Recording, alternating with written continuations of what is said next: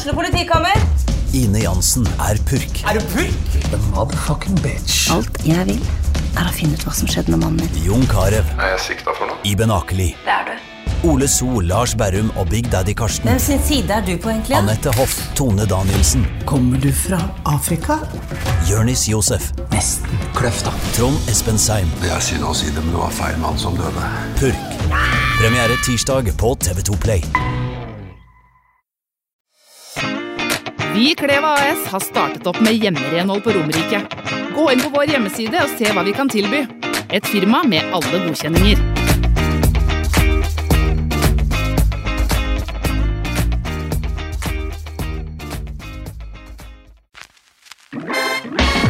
Specsavers Lillestrøm finner du i Storgata 12. LSK sjekker syn hos oss, så kom innom du òg, da vel. Romerike Sparebank. For deg og lokalmiljøet.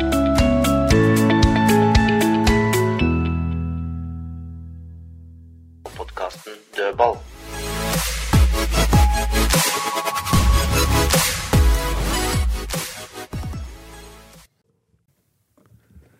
Da er vi tilbake i eh, dødballstudio. Vi har eh, med oss to av de faste. Kristine Tovik, du er eh, sterk og klar og glad. I dag er jeg glad. Det kan jo ikke være glad i dag, sånn som fugla svarte i går. Bra. Tom, også blid. Selv om det er tidlig på morgenen. Våken, blid, sterk og klar. Det er sånn, vet du, Morten, at eh, når du og jeg kommer fra jobb eller er trener, så blir klokka halv to, og så må du opp ved 60 her likevel. Så, så Ja, ja. vi får vel smellen i ettermiddag. fått sett litt fotball fra andre arenaer og sett kampen om igjen og sånn, så det Ja, er, det er greit, det. Ja. Det er sånn med også.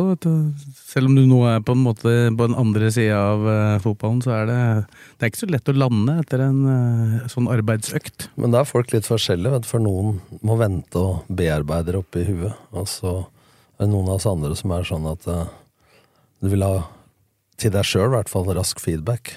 Og da er liker godt å se en om igjen som å så gå og legge seg og la det kverne opp i huet. Så er det bedre å bli ferdig med det. Men det er litt, ikke så ille nå, da. Men uh, man er jo engasjert i det. I og med at han, man har vært i klubben to ganger og blei medlem da jeg var seks-sju år gammel. Så blir det jo sånn at det, det bryr deg litt ekstra om det. Klart det. Sånn er det. Eh, Blakeren han har hatt andre type økter. Han, er, han ligger dårlig, men vi har fått inn en vikar for Blakeren. Eh, Simon Mesfin, velkommen. Takk for det. Hvordan har du sovet i natt? Jeg har sovet godt, og så er det jo sånn at eh, jeg og Chris er fra Skjetten. Oh yes. Og så har vi Kenneth Andreassen som også er megler her i Lillesund, så Skjetten begynner å ta over hele byen nå. Ja, ja det er Nå ble jeg Det går etter plan. 2013, we rule the world. 2013 på vei inn eh, over byen her, ja. Nå ble jeg nervøs, selv om jeg har vært i Skjetten et år. Ja. Ja, det er jo dagen derpå etter din første kamp som hovedtrener. Eh, Hvordan, hvordan var dette?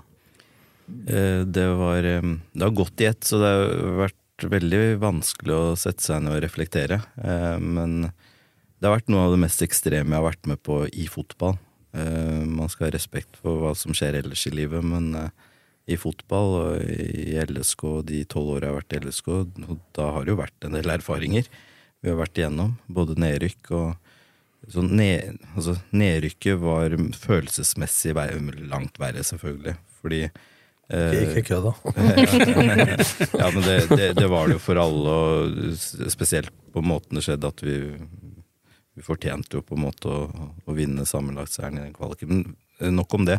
Eh, det. Det var verre følelsesmessig, men sånn trykkmessig eh, det for, for det var veldig stort trykk også i de dagene etter nedrykket, men det trykket som har vært her, nasjonalt, media, omgivelsene Og i utgangspunktet, de tilbakemeldingene jeg har fått på telefonen min, mailer, tekstmeldinger, Twitter, Messenger, alt det der, det har jo vært positivt. Altså 99,9% positive tilbakemeldinger, men allikevel så har det vært så ekstremt trøkk på å svare ut, da.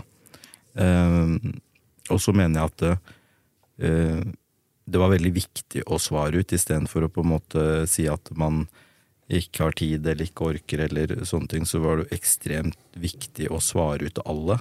Alt og alle, fordi man, man på en måte kan bruke det som en måte å kommunisere at uh, her er det ro, uh, her har vi kontroll. da.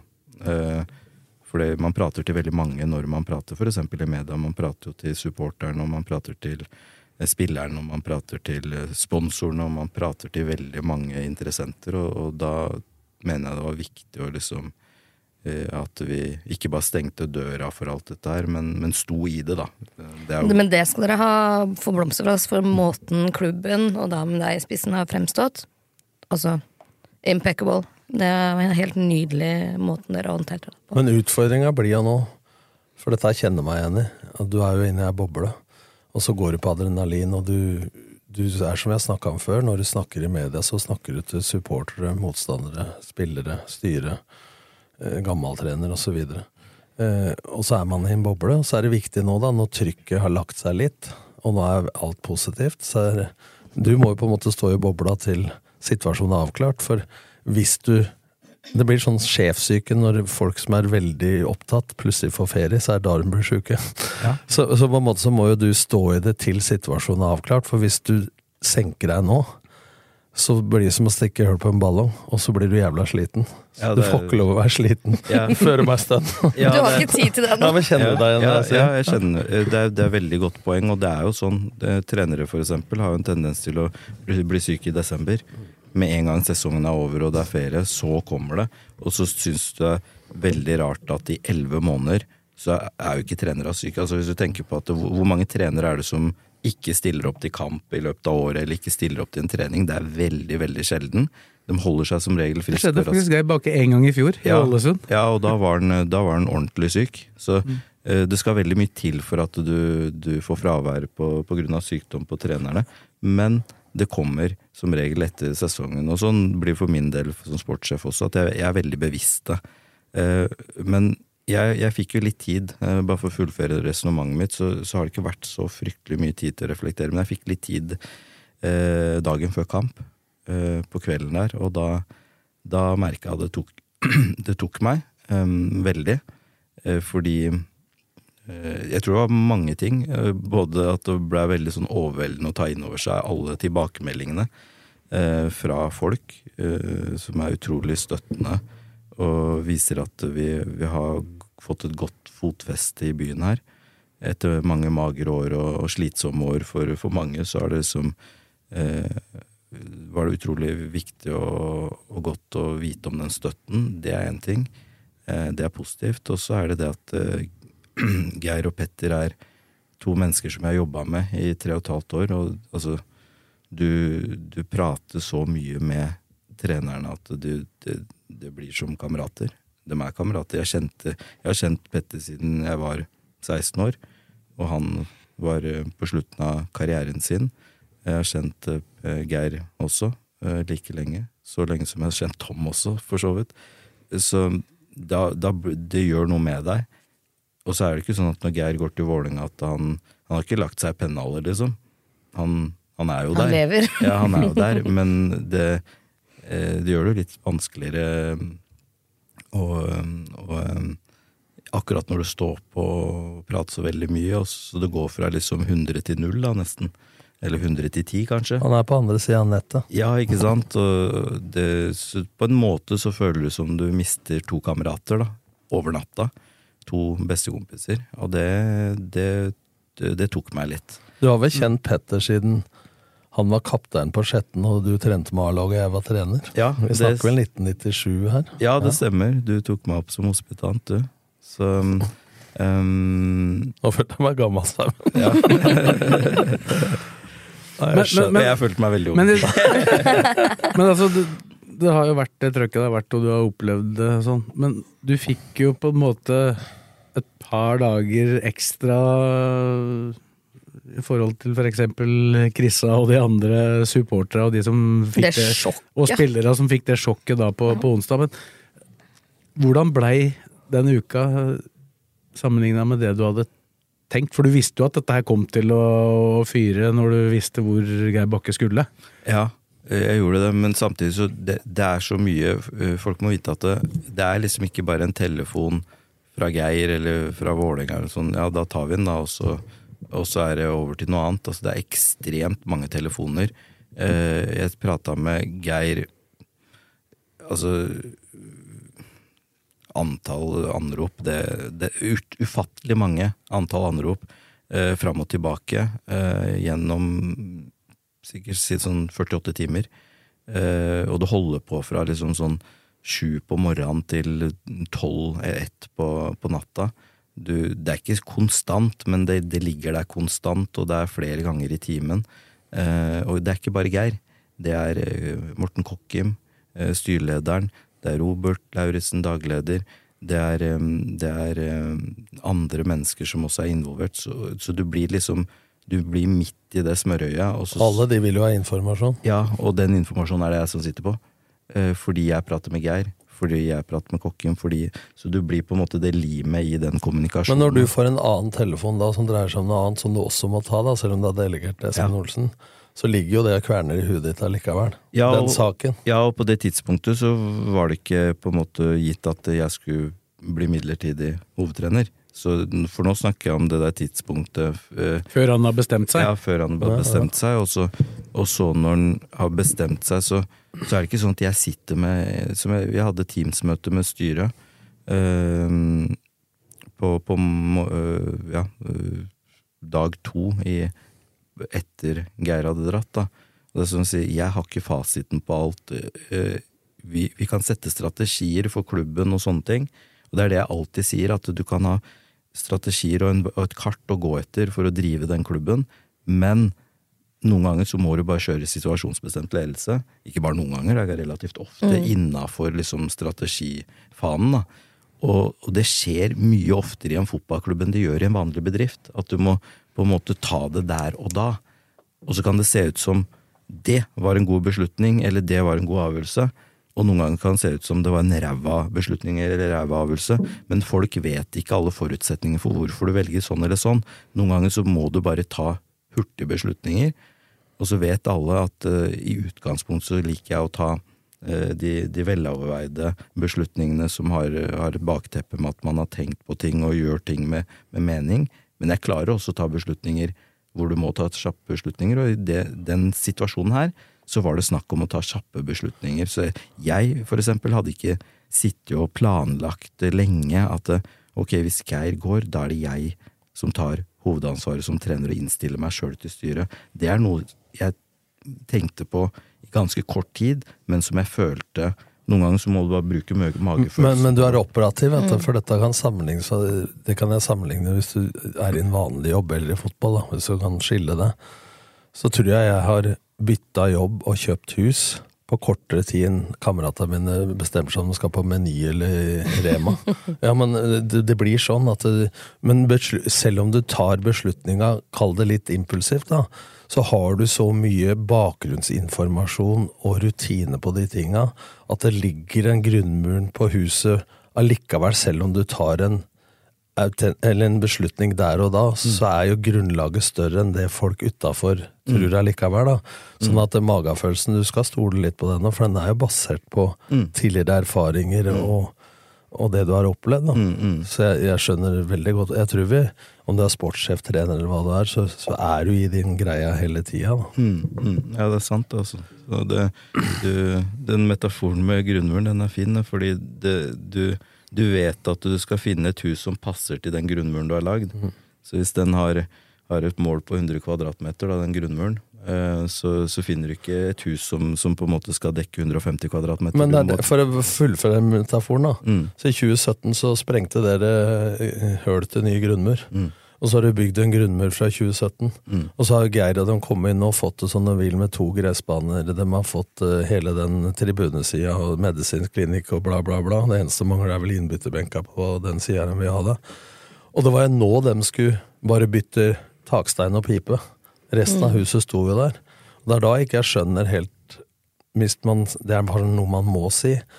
Men motivasjonen må jo til utvikling ha vært i mitt hode enda større når man har fått på plass alt støtteapparat som man vil, rammevilkår som man vil, alle fasiliteter. Så tenkte jeg sånn at nå må jo og innstillinga og motivasjonen være høyere enn noensinne. Nå skulle man jo bare innkassere medaljene. Det var jo det som var- drømmen, liksom. Det var jo det som virka så veldig merkelig på avgjørelsen, sikkert for mange fra utsida, og for oss som har jobba tett med dem òg. For de har jo jobba ganske intensivt for å Altså, dere hadde gjort ganske mye i å bygge klubb før Geir Bakke og Petter Myhre kom inn. Men så har jo dem vært med å bidra til at dere hadde kunnet bygge videre etter den strategien dere hadde. da. Men nå var det jo egentlig Nå var det jo egentlig bare, som Kristine sier, det var egentlig bare å, å ta det neste steget, som kanskje i utgangspunktet kanskje burde vært enkelt. Jeg var jo bare innom og pussa opp kjøkkenet. Ikke sant? De har tatt hele bygget. Så, men hvordan opplevde du den avgjørelsen som ble tatt der? da? Vi har jo snakka om den som impulsiv, og det har vel for så vidt Geir sånn delvis bekrefta gjennom de intervjuene han også har vært inne, at han er en impulsiv fyr. Jeg, jeg veit ikke, det er veldig vanskelig å sette seg inn i hodet til Geir. Jeg kan bare basere meg på, på en måte Har man sjekka at den ikke har fått slag, liksom? jeg, jeg, kan, jeg kan bare uh, basere meg på hva jeg har snakka med Geir om, men jeg har ikke brukt så veldig mye tid, eh, skal jeg være ærlig på, på å spekulere i hvorfor og, og sånne ting. Jeg har bare tenkt at uh, han har gjort det. Uh, At jeg og han har hatt en veldig sterk relasjon, på samme måte som at veldig sterk relasjon til Petter. Altså De to trenerne ble jeg veldig glad i, og er veldig glad i, og jeg kommer til å fortsatt være veldig glad i dem. Så eh, det, jeg skal ærlig innrømme at det, det, var noen rundt meg som begynte å etter hvert å spekulere i hvorfor og alt det der, og der, er- der er jeg helt nådeløs. For at det, når du står i den situasjonen, så har du ikke tid til å øh, og det er, noe, det er ikke noe energi i det, og det er ikke noe konstruktivt for meg som sportssjef å drive og spekulere. Jeg må ta imot beslutninga til Geir på hva han vil, og så må jeg fasilitere for løsninger. For Men det du sier her, dette er eh, godt lederskap, og det er psykologi. Hvis du sammenligner med det gamle psykologer da, som hele tida snakka om hvorfor ting har oppstått.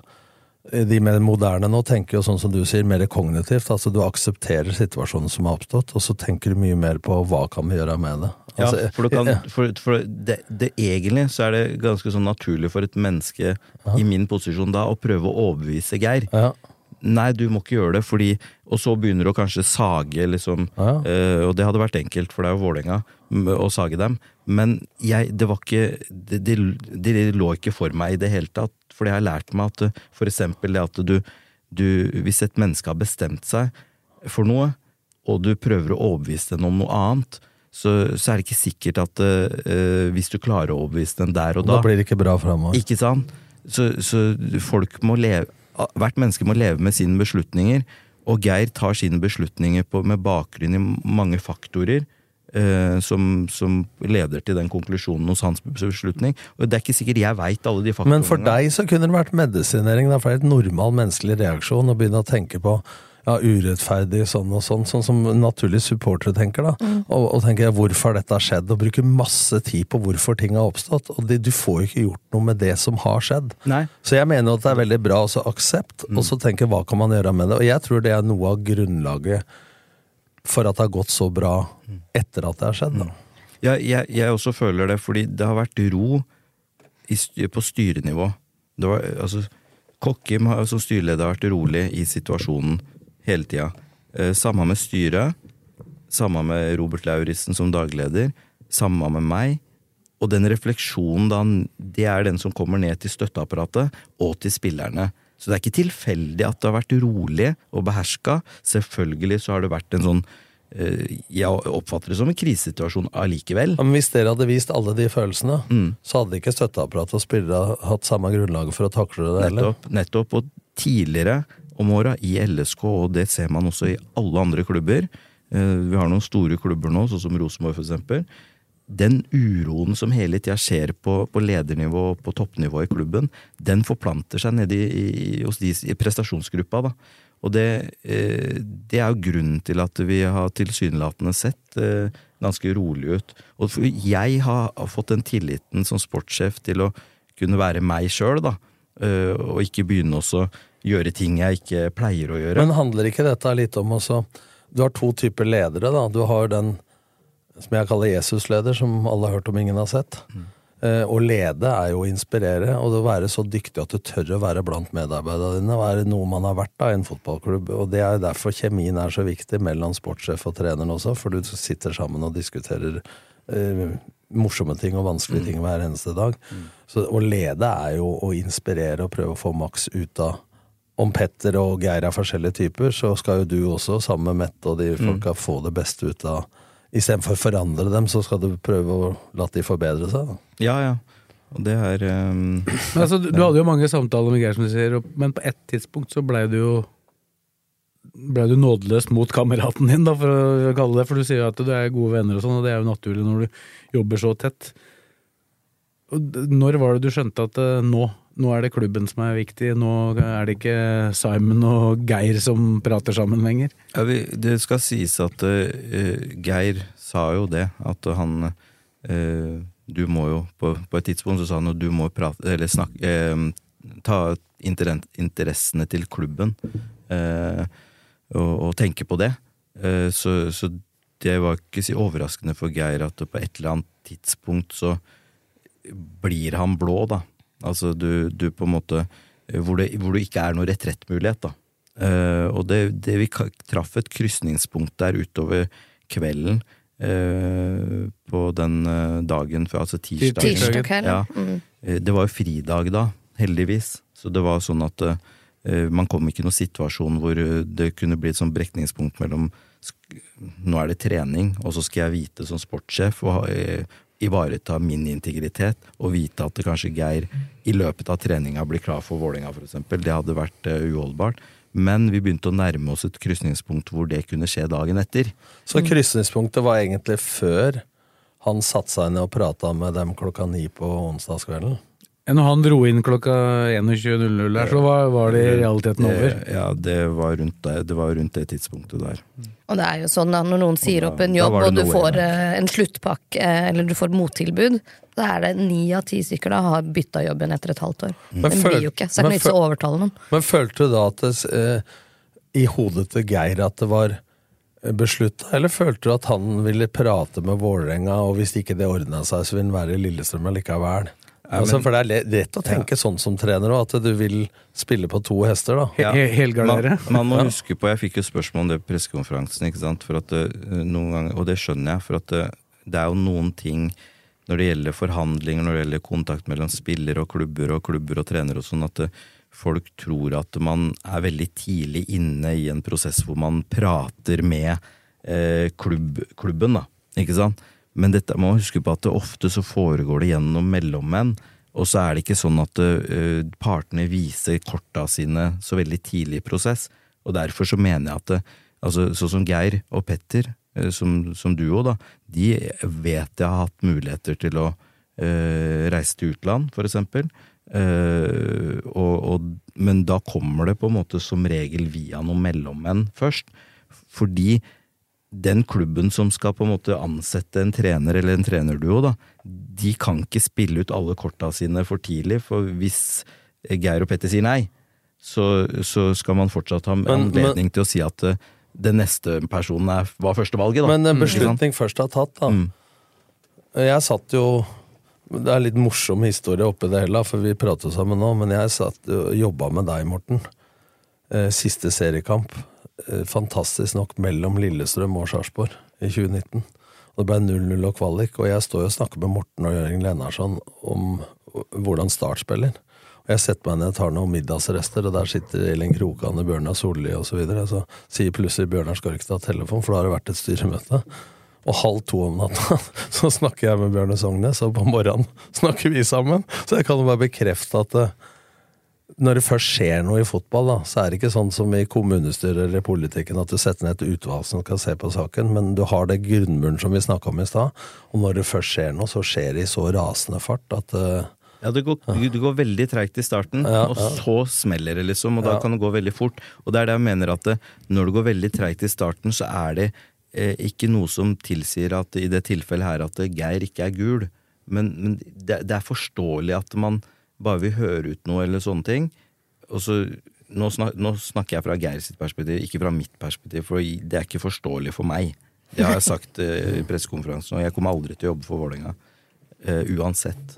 Uansett hvor mye penger de kaster etter meg, og uansett eh, hva det nå skulle være, om jeg skulle vært kongen av Tøyen, så hadde jeg ikke Det er pa, det, da. Ja, det er pa. Så, men pa hadde lånt den krona til meg, det er jeg helt sikker på. Eh, Men, eh, men, eh, det, men, men det, det er meg. Jeg må klare å, å, å- se Geirs perspektiv, selv om det er helt sykt å si. Så, så må jeg det.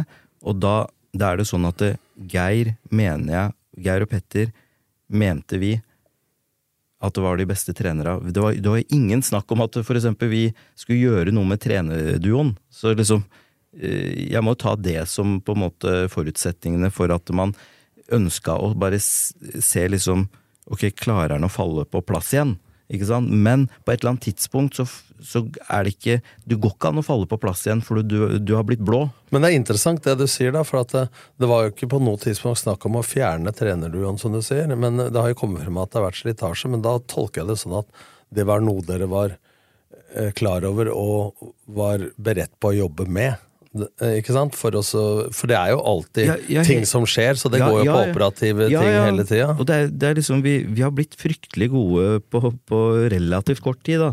Eh, Det gikk jo veldig fort etter opprykket, ikke sant? Og så, og så har det blitt tre og et halvt år med, med, med positiv utvikling, og så kan, kan noen si at det stagnerte litt siden i høst og, og sånne ting. Men det har jo ikke stagnert. Det, det, er, det er det at du, du, du møter veggen på, på en eller annen utviklingskurve du, du, du kommer på, og så må du etablere deg på det nivået før du kanskje tar neste nivå. Så det var jo sånn at det kanskje flata ut lite grann i en viss periode nå, at, men jeg hadde stor tro på at vi skulle dra han noen steg videre med de samme trenerne. Så, så, så det er helt riktig det, at hvis, hvis det skulle være noen gnisninger eller noe sånt nå, eh, så, så hadde jeg selvsagt eh, planer om at vi skulle på en måte jobbe, jobbe med det. Og på samme måte som altså, eh, altså i løpet av de tre og et halvt åra, og i Obos-ligaen nå, det har vært gnisninger. Altså det har, det har vært gnisninger eh, Det er ikke alle som er glad i Simon Mesvin heller, altså. Men samtidig- liksom, jeg kan ikke bare slutte som sportssjef eh, bare fordi noen er sure på meg fordi de ikke får ny kontrakt, eller fordi eh, de ikke får nok penger i kontrakta, eller, eller jeg har tatt en eller annen beslutning som, som ikke alle er fornøyd med. Altså vi sitter, jeg som sportssjef og Geir og Petter som trenere, sitter i roller hvor du, det er en Urias-post, da. Du har, ikke, du har ikke 22 mann som er fornøyd til enhver tid? Ja, du klarer- Bortsett fra kanskje den uka som dere har vært igjennom Men- nå, men- da er alle fornøyd. Men, Ja, ja. men for å se, hoppe inn i trenerhodet, da. Samtidig som du sier at jeg kommer aldri til å akseptere beslutninger, jeg kommer aldri til å forstå det, jeg kommer aldri til å jobbe i Vålerenga. Samtidig så har du hatt evnen til å sette deg inn i trenerens hode. For å sammenligne, bare for å ta et eksempel, så gikk jo kontrakta mi ut i start i 2005, og så ringer jo Rune Bratseth, vil du trene Rosenborg? Og så spør jo jeg Erik Soler som sportssjef, eller hva han var den gangen, da. Eh, kan jeg få gå og prate med Rosenborg? Og da ble han sur, ikke sånn som du sa, vi fikk ikke lov å prate med dem, så da ringte han Høgbo og hadde han i beredskap. Men så sa jeg kontrakta går ut, jeg må få lov å snakke med dem så lenge ikke vi er enige. Så drar jeg og snakker med dem, så blir jeg faktisk enig med dem om å trene dem i 2006. Ja, og det her, det her er et veldig godt poeng, for Ja. det her, nå har vi en følge, fin følgetong her. Ja. Det å si til et menneske at du får ikke lov til noe Ja. Men da Det- blir det bare provosert. Det trigger en ja, faen, da. Ja, ja, det trigger en faen. Og så, og så, jeg vil ikke ha noen folk i LSK som ikke har lyst til å være der. Nei, men hvis han hadde da prata med dem da, Ja. på et eller annet tidspunkt Ja. og funnet ut at uh, jeg skal være her LSK likevel, så hadde det Ja. vært no problem. ikke sant? Men idet du tok det der emosjonelle steget Men, men så går Og det, er, og, og det er jo ikke sånn at det, man må, man, det må også presiseres at med spillere så har de kontrakter som er helt låst, med at dem kan ikke si den opp, og klubben kan ikke si opp. Partene må bli enige om salg eller terminering. Med trenere så har de tre måneders oppsigelsestid, akkurat som alle oss andre i samfunnet. Så poenget er at hvis du sier nei, så si, kan treneren bare si ja, men da sier jeg Og det er jo det nye, det er det nye for før Ja. var ikke sånn Nei. med tre så da var den Ja, du, du, kan, du Ja. kan lage uoppsigelige Ja. kontrakter, men det er ikke nødvendigvis bra for klubben heller. For, for man har vel Altså, i tradisjon så er det jo sånn i Eliteserien også at de fleste trenere blir jo sagt opp. Altså at, eh, at man vil bytte trener. Eller at da- treneren går et annet sted. Ja, eh, men som regel så er det at eh, den blir sagt opp, hvis du ser liksom trenden, da. Men for å Eh, fullføre en sammenligning Geir og meg sin situasjon, da, så sier jo jeg ja. Men så, så går det ei uke, så sier jo dem, for de lå på sjuendeplass, så trakk Per Johan seg, du må begynne med en gang. Så sier jo kona til meg eh, start blir aldri Rosenborg. Men så blir jeg der av lojalitet og emosjonelle ting. Men når du Kunne da, vinne et seriegull med Start. da, ja, ja, vi leda med. Men når jeg da blir der, ikke sant? og så skriver ny kontrakt, så var jo mange glad for det, men noen også var jo forbanna for at du hadde Men du har, du har et arbeid som slutter om to måneder. ikke sant? Da må du få lov å snakke med en annen arbeidsgiver. Men det er jo forståelig. I situasjonen her, da, Ja. man kan jo sammenligne det med kjærestepar. Da. Ofte når en kar blir dumpa, så har ikke han sett det komme i det hele tatt. Kommer som lyn fra klar himmel. Og det er sånn vi supporterne sitter igjen her nå. Bare what? Vi lukta ikke der. Ja da, det har stagnert litt, og noen maser på trenerbytte, men what the actual F, liksom? Men det jeg prøver å si, det er at eh, Simon hadde evnen til å så Ja, og, Jeg- og jeg se det fra den hans beslut- perspektiv, ja, Den da. beslutninga aksepterer jeg ikke, men allikevel prøve å krype inn i huet til den andre. Ja, da. det er veldig storsinna, og det er veldig respektfullt at han klarer det. Det er ikke mange som ville klart å gjøre det. Vi hører søpla, og så tenker vi du er død for meg, ikke sant. Det, dessverre. Men det er jo sånn det er. Men, Så- men du sa det var en bra føljetong, for det, dette handler jo om å greie å sette seg inn i begge sider av bordet. Ja, og i en ganske Kanskje den sykeste situasjonen hvor, det, hvor egentlig alle kanskje hadde forstått at jeg eh, kun Eller ikke kan se det fra Geir sin side, Mm. fordi det er Vålerenga. Så- Men det sa jeg til Geir òg, at det, jeg, jeg sliter med å Normalt sett så sliter jeg ikke med å sette meg i andre sine sko, for det, er- det er det lederskapet jeg ønsker å ha. At jeg klarer å evne å komme fram til noen løsninger som er til det beste for, for to parter. Da. Jeg kan fortelle om det motsatte. Mm. For jeg var jo Lillestrøm i 7 og 8. Og det var jo noen sportssjef der også. Det var ikke snakk om noe dialog og 42 anrop og sånn da. Altså, for det var, det var solskinn, og så Mm. ett minutt etterpå så lyna det og tordna det. Og da var det ingen som hadde kommet med noe varsel om noe som helst. Altså, det var ikke noe værmelding da. Det var ikke noe langtidsvarsel. Det var der og da, for å si det sånn. Så, ja, men det er det jeg mener med lederskap. Og det, du skal ikke undervurdere at det, det er det noe av grunnmuren for at det skal være ro i en klubb, da, som vi snakka om i stad, kontra Vålerenga og Rosenborg. At det er skapt et grunnmur og en fundament, og hvis de på toppen kaver og skylder på hverandre og henter syndebukker og sånn som alle utenforstående supportere må tenke, for det er de følelsene. Hvis ledelsen lar det bli følelsesstyrt, så blir det masse dårlige beslutninger, og da går det utover støtteapparatet, og igjen spillere, som igjen Ikke glemme det, at ingen i klubb hadde hatt jobb hvis det ikke hadde vært for produktet, og produktet er jo laget og spillere. Og så er det sånn at jeg misforstår meg rett, jeg mener ikke at eh, folk, altså ansatte, spillere, trenere, bare kan komme til meg og si ja, nå vil jeg bare bort. Nå vil jeg dit, eller nå vil jeg dit. Det, det går jo ikke. Men sånn over tid, og på en måte ha mennesker i klubben som ønsker, og, og du ser at motivasjonen er et annet sted, det tror jeg ikke supportere heller har lyst til å Gagner ingen. Vi vil ikke ha ha noen her som som ikke vil være her. Nei, og det, og, og det er sånn at uh, på, på et eller annet tidspunkt så, så merka jeg at uh, Geir vil noe annet. Og da er målsettinga mi å ikke uh, altså eh, tenke Ikke bruke så veldig mye tid på den beslutninga hans, men bruke mer tid på hvordan kan vi løse det for oss.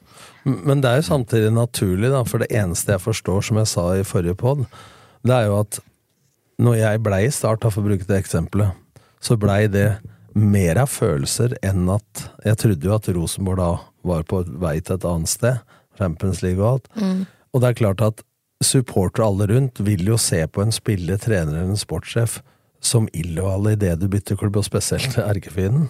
Men den dagen klubben ikke er brukt for treneren, eller spilleren eller sportssjefen, så er jo ikke dem lojale mot deg heller. Så, så den, den Du, du trengte vel bare gå et eh, snaut år fram, så var ikke du mye verdt i start lenger, da. Nei, nei, ikke sant? Men ikke sant? du vil ha deg tre år til, og så plutselig er det en bombe for hvordan du er, og så har du vært der i tre år før.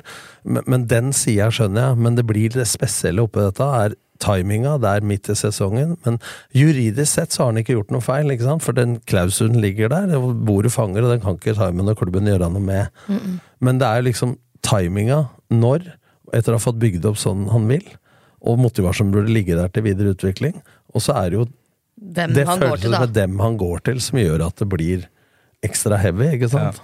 Men det, det har jeg lært meg Såpass har jeg lært meg eh, gjennom eh, mange år i toppfotballen at det, som regel så er det dårlig timing på alt. Eh, liksom som regel. Passer aldri. Ja, det passer egentlig aldri. Det går og greit til desember. Og, ja. Men hadde Geir eh, Bakke gått til utlandet nå, eh, eventuelt sammen med Petter Myhre for den saks skyld, Ja, så, så hadde det ikke, hadde ikke blitt noe drama av den karakteren her. Nei, men uh, igjen, det hadde, det hadde passa dårlig da òg. For det, det, resultatet er det samme, at vi mistet eh, treneren vår. Så, men det hadde ikke blitt det dramaet. Det hadde ikke. Uh, men der er også Altså Saken er lik, men Altså, følelsen er annerledes. Det hadde ikke vært ondt hvordan kunne gått nedover Storgata her, og folk hadde fortsatt tatt en high five og en klem og lykke til. Ja. Eh, går han ned i Storgata her nå, så er det bare beinet, stakkars. Altså, det, Ja. det han har gjort, er jo så ekstremt uforståelig Ja, for så mange. Og du er jo supporter, Krista, og jeg kan også forstå supporterne, for jeg har vært supporter sjøl. Mm. Så poeng i min rolle som er klare å liksom holde, ho- holde hodet kaldt på liksom Jeg kan ikke styre etter supporterhjertet mitt. Nei, nei, nei. Jeg må styre etter lederhjertet mitt, og så må jeg klare å favne eh, Geir Bakke som menneske. Eh, supporterne som mennesker, for jeg ser de menneskene hver bortekamp, hver hjemmekamp, eh, på treninger, og, og vet hvordan det er. Og, og det er de som betaler lønna vår. Det er vi, de som drifter klubben vår med tanke på de inntektene vi får inn, og den interessen vi har rundt klubben, og det må man ha stor respekt for.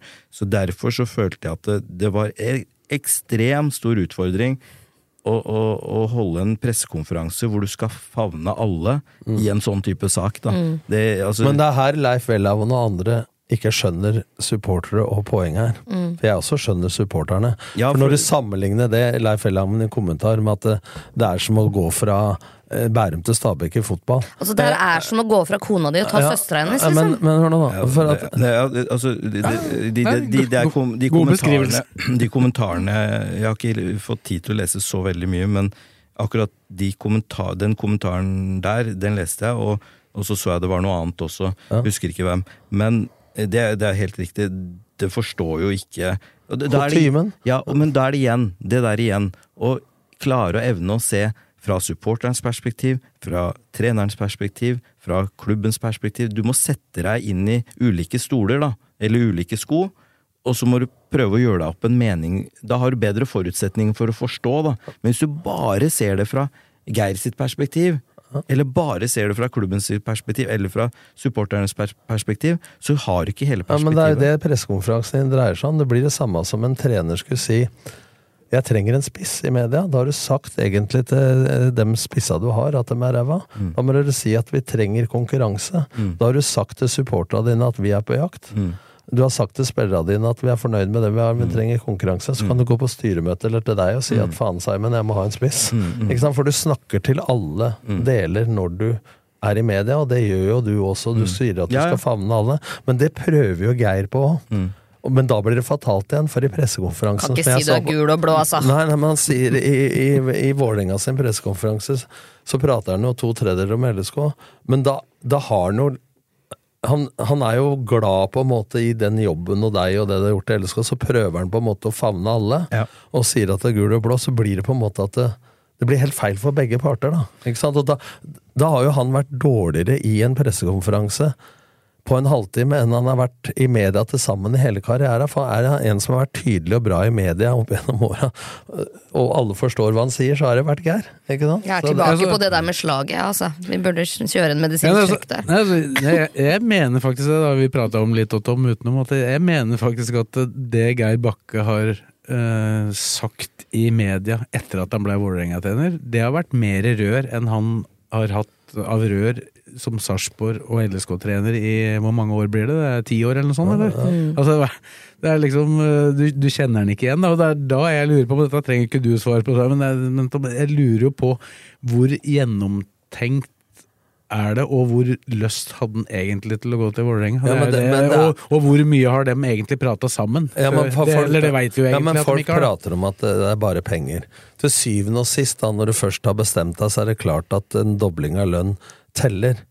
Men det er jo liksom, hvis han skjønner at det slitasjen han ikke aksepterer det, hvis han er redd for at eh, trenerteamet skal skilles, eller eh, hva det er, og, og blir impulsiv, eh, så tar han jo beslutninga ut ifra helt andre ting enn penger. Sånn jeg har forstått det, så har han jo sagt, eller avfeid Vålerenga for 10-11 dager siden før dette var, og så skjer dette, og så tar han kontakt med mellommannen eller Vålerenga sjøl igjen, og så kommer prosessen. Og da har det gått så langt opp i hodet at det, uansett hva du prøver å gardere deg mot, da, så er det ingen vei tilbake. Ikke sant? Og jeg tror ikke alle de, samtalene som, ja, alle de samtalene som Simon sier han har hatt med Geir før han ble ansatt i Lillestrøm, det har de ikke rekke fra ni om kvelden til to om natta å skrive under i Vålerenga. Og det, det gjenspeiler seg i svara, som du sa, Morten, på pressekonferansen. Han ble spurt om kultur Innledningen på spørsmålet var jo eh, kulturen som man har bygd på i Lillestrøm og sånn. Kan- Så fikk han spørsmål om hva som var kulturen å bygge videre på i Vålerenga. Da hadde han ikke noe svar. Ja, men det han kunne ha sagt, for å redde seg, da, var å ha sagt at kultur, det er summen av alle mennesker i en organisasjon sin atferd hver dag. Og den kulturen kan jeg begynne å bygge. For her må du, der må du begynne med grunnmuren, for å si det sånn. Eller Så med tanke på det du hører her, da, Kristine, så kan det være noe positivt med dette her, at han har gått i Vålerenga nå, hvis han det rett og slett ikke dem veit helt hvilken vei de skal gå. Det, Det positive her er at det lukter jo nedrykk for dem akkurat nå, så de må gjerne fortsette i det sporet der. Det, Men så de må gjerne ta et år nede, for min del. Men så er det evnen da, til å heller tenke hvordan skal Lillestrøm utvikle seg videre? Så er det greit at det er litt sånn skadefri at dere ræva med Vålerenga, den skjønner jeg, men det viktigste må jo være hva er veien videre for, for Lillestrøm Men Sportsklubb. samtidig så er den litt forståelig òg, da. For at det, Ja, jeg, jeg forstår det. For jeg opplevde at, at Vålerenga-supportere var fornøyd med ansettelsen av Geir Bakke. Ja. Den opplevde jeg var nesten 100 i- eller i hvert fall ganske Fordi stor prosent, fordi at de klarte å, nappe treneren fra Ja, og- LSK. og- ikke fordi at de absolutt ville ha Ja, Geir men da- Bakke. Nei, og de kjører jo på den 'han har vært blå hele tida', og 'han er vår mann', og ja, vær så god, kjør på. Hvis det er det her dere vil ha, så men, vær så men god. det må jeg si. Mitt hjerte er gult og svart. Jeg er født til to dårlige langpasninger fra Åråsen. Men jeg har jo vært i mange klubber. Jeg har vært i Vålerenga sjøl, men jeg gikk ikke fra Lillestrøm. Jeg har aldri hatt tilbud fra Lillestrøm. Men det blir jo sånn som profesjonell fotballtrener og sportsleder var, at bortsett fra den klubben som betyr mest for deg, så må du jo operere inn hjertet ditt i de Ja. åra du er i den klubben, og gjøre ditt beste ut ifra det. Men det er ikke dermed sagt at Man snakker jo på spillersida, altså, Du hadde klubbspillere. Hvor mange er det som er eh, av samme nasjonalitet i Premier League liksom, på et lag? Altså, De har eh, klubbmerket Arsenal eller Manchester City den tida de er der. Og det må man akseptere. Men det- og, det, og her- dette snakka faktisk Geir Bakke og Peter Myhre om da jeg hadde et ganske langt intervju med dem før cupfinalen. At det er jo litt sånn det er. De, de har jo vært eh, altså Nesten alle i klubben har jo vært i Vålerenga. Da jeg spilte kvalik med Sandefjord mot Vålerenga i 2003, altså, da satt Andreas Holte, Lars Bohinen, Petter Myhre, Geir Bakke, Kjetil Rekdal på den benken. Ikke sant? Og de hadde vært i Strømmen og Skjetten og, og overalt. ikke sant? Men det har jo noe med Men det som blir krasj for supporterne og følelsesmessig, og det, han må kanskje gjøre det, for det har jo vært mye prat om at ja, han har jo spilt i Strømmen, ikke sant? Sånn er det liksom, men han er fra Rælingen, ikke sant? Og LSK, han sa jo til meg også at eh, det er større utfordring av press å trene LSK eh, i Obos-ligaen i pandemien enn å trene Sarpsborg. Det viser om trøkket rundt Lillestrøm. Ikke sant? Eh, og han har snakka om at supportere er fantastisk og, og sånn og sånn, og det har han sikkert ment. Men hvis du veit at du skal videre en gang da, så må du kanskje holde igjen litt på den greia der. For at når du da slutter, så blir jo smellen enda større. Ikke Ja, ja, men-. For du har jo på en måte gifta deg da, med de følelsene og emosjonene. Ja, og nå er jeg endelig hjemme, og så videre. Så er han, var, ikke hjemme han, han, likevel. han var jo på, var jo på Åråsen som guttunge, så han hadde jo på en måte oppveksten sin mye rundt det. Selv om han da Ja, ja. ikke endte opp med å gå til LSK den gangen, så har han jo altså Jeg prata jo ganske mye med Geir Bakke før han ble LSK-trener, og før det egentlig var snakk om at han skulle bli det òg. Og jeg har hele tida opplevd at han har hatt en fascinasjon, og et, egentlig et, innerst inne et ønske om at han en dag skulle trene eller Men det er Det er- derfor, Ja, ja, det er derfor dette for meg da blir mer impulsstyrt og følelsesmessig styrt. Ja. At uh, man ikke har rekke å tenkt seg godt nok om, da. Ja, men Der tror jeg vi er enige. og det er sånn, Jeg har jo snakka med Geir, Møtten møtt han utafor treninger og alt sånt, og har oppriktig følt at han følte han kom hjem. da. Det her er noe han har ønska seg, og, kunne liksom vinne noe med fugla. At det ville mm. betydd mye for han også. Mm. Men- og det er derfor det blir så uforståelig. Men hvis du snur på det, For meg, da. La oss si nå, Simon, at det hadde gått dårlig, da.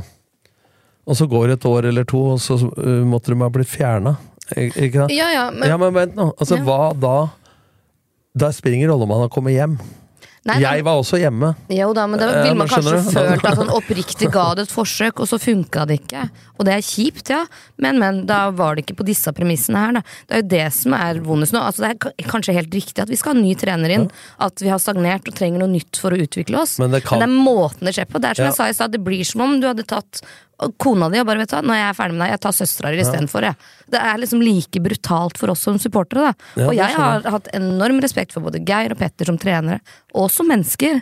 Men, og jeg syns ikke noe om at folk Altså nå er mange tegninger som går, eh, rotter altså Det er så mye stygt som blir sagt. Jeg har holdt meg for god til å si noe som helst. Jeg er bare jævlig skuffa. Men, men hvis Ja, for det, det, det, er, det er noen ting jeg syns, eh, ikke syns noe om, altså uansett. Og det altså, Uansett hva folk gjør, ja. Uansett hva, hva man gjør av beslutninger, og i tilfelle Geir eh, sin beslutning til å gå til Vålerenga, så, så er man nødt til å liksom holde magemål på, på hva man eh, lirer ut av seg på sosiale medier og sånn, for at eh, Og det tror jeg liksom vi bare må gjenta eh, hver eneste dag, for det er noen som glemmer seg innimellom, og det Eh, jeg har ikke sett alt, men jeg har hørt om en del, og det er, Ja, det er det er stygge saker. Ja. Eh, og så eh, må vi også på en måte, på en måte kalibrere eh, historien her, da. Eh, for at eh, mange, Det er jo flere som prater om at eh, man har stagnert for eksempel i resultatene og, og sånne ting siden i fjor høst, men man må huske på bakteppet her, da. Altså i fjor vi hadde ekstremt mye skader på høsten. Det, og, og vi har egentlig tatt med oss det inn i eh, den første, i hvert fall den første tredjedelen av sesongen, hvor vi har spilt det veldig mye kamper eh, med både ny, altså gammel cup og ny cup, da, hvis vi skal kalle det det. Så det er ikke noe unnskyldning, men det er en forklaring på at eh, jeg syns jo eh, Geir og Petter som trenerduo håndterte det på en eksepsjonelt bra måte. Eh, til tross for at man ikke kanskje så det ut i utløpet av eh, prestasjonene på banen som lag, da. At ja, det, det så litt eh, treigt ut innimellom, og det så ut som vi eh, ballen gikk mer bakover enn forover, og alt det der som, som på en måte jeg veit folk snakker om. Så jeg syns det er bare viktig også å få med det at eh, det har vært eh, ganske tøffe tak. Eh, Så når for eksempel dette med gnisninger og sånne ting kommer opp også, så er det viktig å ta med det. At eh, det, vi, vi har, om ikke vi har møtt Vi, vi tok 20 poeng da fram til um, Petter gikk ut i permisjon og Geir uh, gikk til Vålerenga. Eh, det var vel 20 poeng, er det ikke det? Ja, 20 på 12 kamper. Ja, ja. Og det er, det er ganske bra poengsnitt. Eh, med tanke på, jeg sa det jo vel også, eh, etter at når vi tok den landslagspausen, og, og det, vi, det trengte vi, og vi utsatte den Ålesund-kampen som skal spille på onsdag, det trengte vi også, for vi trengte å liksom lappe sammen teppet igjen. da. For, for Geir og Petter og, og støtteapparatet drev og lappa og lappa og lappa, og drev, det, det, hvert eneste laguttak var jo liksom et lite mareritt, med tanke på å flytte brikkene fram og tilbake. og det, du, du kunne ikke putte inn én spiller i én posisjon, nesten, uten at du måtte flytte på noen andre, og så endte det opp med masse ulike konstellasjoner. Og dette starta egentlig i år, så starta egentlig det når Roseth ble skada i Vikingkampen, og så ble det liksom en føljetong på det. Og Vi kan, vi kan jo liksom personifisere dere litt nesten eh, når du så Thomas Lene Olsen i går, da, og du veit hvilke Hvilken vårsesong han har hatt, da, med alle de problemene. Han har vært sjuk, han har hatt eh, Ja. to, tre, fire sånne småting som har vært der. Ja, Lene altså, Olsen- Lene Olsen i den utgaven vi har sett nå i går, for eksempel, da, det, det er jo en spiller som hadde vært litt mer nyttig å ha tidligere i år òg. Ja, ja, Gjermund Aasen og Lene Olsen. Altså, det, til og med de spillerne som har spilt mye de første ti kampene, da, pluss cupfinalen og alle disse cupkampene i tillegg, de har jo hangla. Men dem har ofra seg for laget. Trenere har, har, har gitt dem beskjed om at de, vi, vi trenger dere, for vi har så mye skade. Vi, vi, eh, vi kunne ikke rullere på de spillerne som var friske nok Men, til men, å spille. Men dette også, hvis jeg setter meg inn nå, kan, Du er kompis med Geir, og det er, vi har sikkert fått skylda for å forsvare Geir. Bare for det er helt klart med en gang. Jeg forsvarer ikke avgjørelsen på noen som helst måte. Men det også, hvis jeg setter meg inn i trenerstolen Hvis du må lappe sammen det laguttaket hver dag, så er så det over tid slitsomt, som også kan være med på å ta en avgjørelse i feil retning, da. Ikke sant? Men det vi må huske på på dette Ja, ut med følelsene og, og supportere og alt. Men vi må huske på at det er mennesker. Nå var jeg med på en kamp på lørdag om noe TikTok og YouTube for inntekt for mental helse og ungdom. Jeg har sett Martin Samuelsen stå fram nå Vi så Tor Tønne som politiker osv. Vi må oppi det hele, ja, ta ballen og ikke mann, som du sier. Fordi at det, det er et menneske her også, og jeg kjenner jo både Geir og Peter og andre at det, det er, du kan godt si du er så godt betalt at du skal tåle det. Men, men det går ei grense også liksom for, for Ja, og det, og det, det, er sånn, det er et begrep som blir brukt relativt ofte i mange ulike sammenhenger. Ja. Du får politikerne på Stortinget du, Ja, og sånne ting. ikke sant? Du har, så, du har så godt betalt at det må du bare tåle. Ja.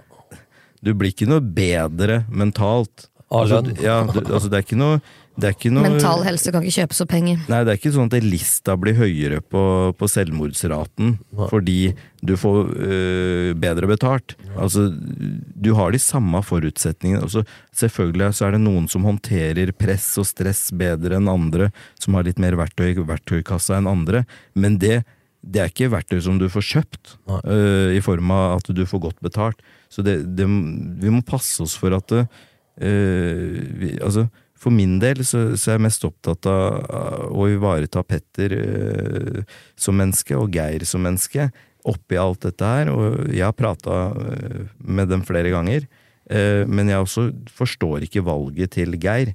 Men det har jeg sagt til han, og det har jeg sagt på pressekonferansen, og da er det sagt. Men øh, Så jeg, jeg kan ikke forsvare avgjørelsen, men jeg kan ha empati for Geir allikevel, og det å få Petter. Fordi det, det her er, er Jeg vil jo si at det er, det er en krisesituasjon for egentlig alle involverte. Da. Men når de kommer seg, de som kommer seg gjennom de krisesituasjonene, dem får jo flere verktøy i kassa til neste gang det skjer noe. Men de som da ikke takler det, de har ikke noe verktøy å bruke. Ja. Ikke sant? Altså Hvis du bare hadde en hammer først som du ikke veit hvordan du skal bruke, nå har du ei kasse, så vet, må du ta riktig verktøy.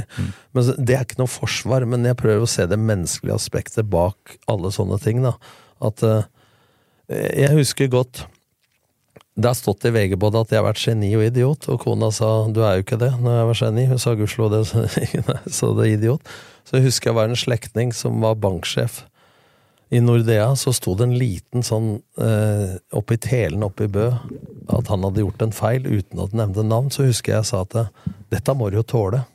Det jeg lærte av det, at det jeg har opplevd, mine referanserammer, kan ikke jeg regne med at han hadde de samme referanserammene. Så du må ta utgangspunkt i hvert individ og den erfaringa hva de tåler. Og det er en sånn liten greie oppi det hele som man må tenke på, da. Men der også reagerer jo folk forskjellig, for noen har jo et ekstrembehov for å skjelle ut, for å liksom håndtere det. Mens Det er andre, selvpsykologi. ja, mens andre, for eksempel meg, det er ok, greit, han valgte oss bort, da vil ikke jeg fokusere på han. Nå vil jeg fokusere på LSK som klubb, og veien videre. Um, for jeg personlig føler meg ikke noe bedre av å kalle Geir for eh, rotte eller slange eller Judas eller hva det måtte være. Du føler deg litt bedre av å kalle det søpla, det har jeg lagt merke til noen episoder. ja, med søpla, ja. ja men, altså, det er jo Jeg tar ikke det V-navnet i min munn. Idrettsforeningen er alltid søppel for meg. Men, uh, Men det er ikke et menneske, det er jo en klubb. Men det er, det er jo også et altså privilegiet som en supporter har, er å og en supporter trenger ikke å tenke ulike perspektiver og sette seg inn i skoa til folk.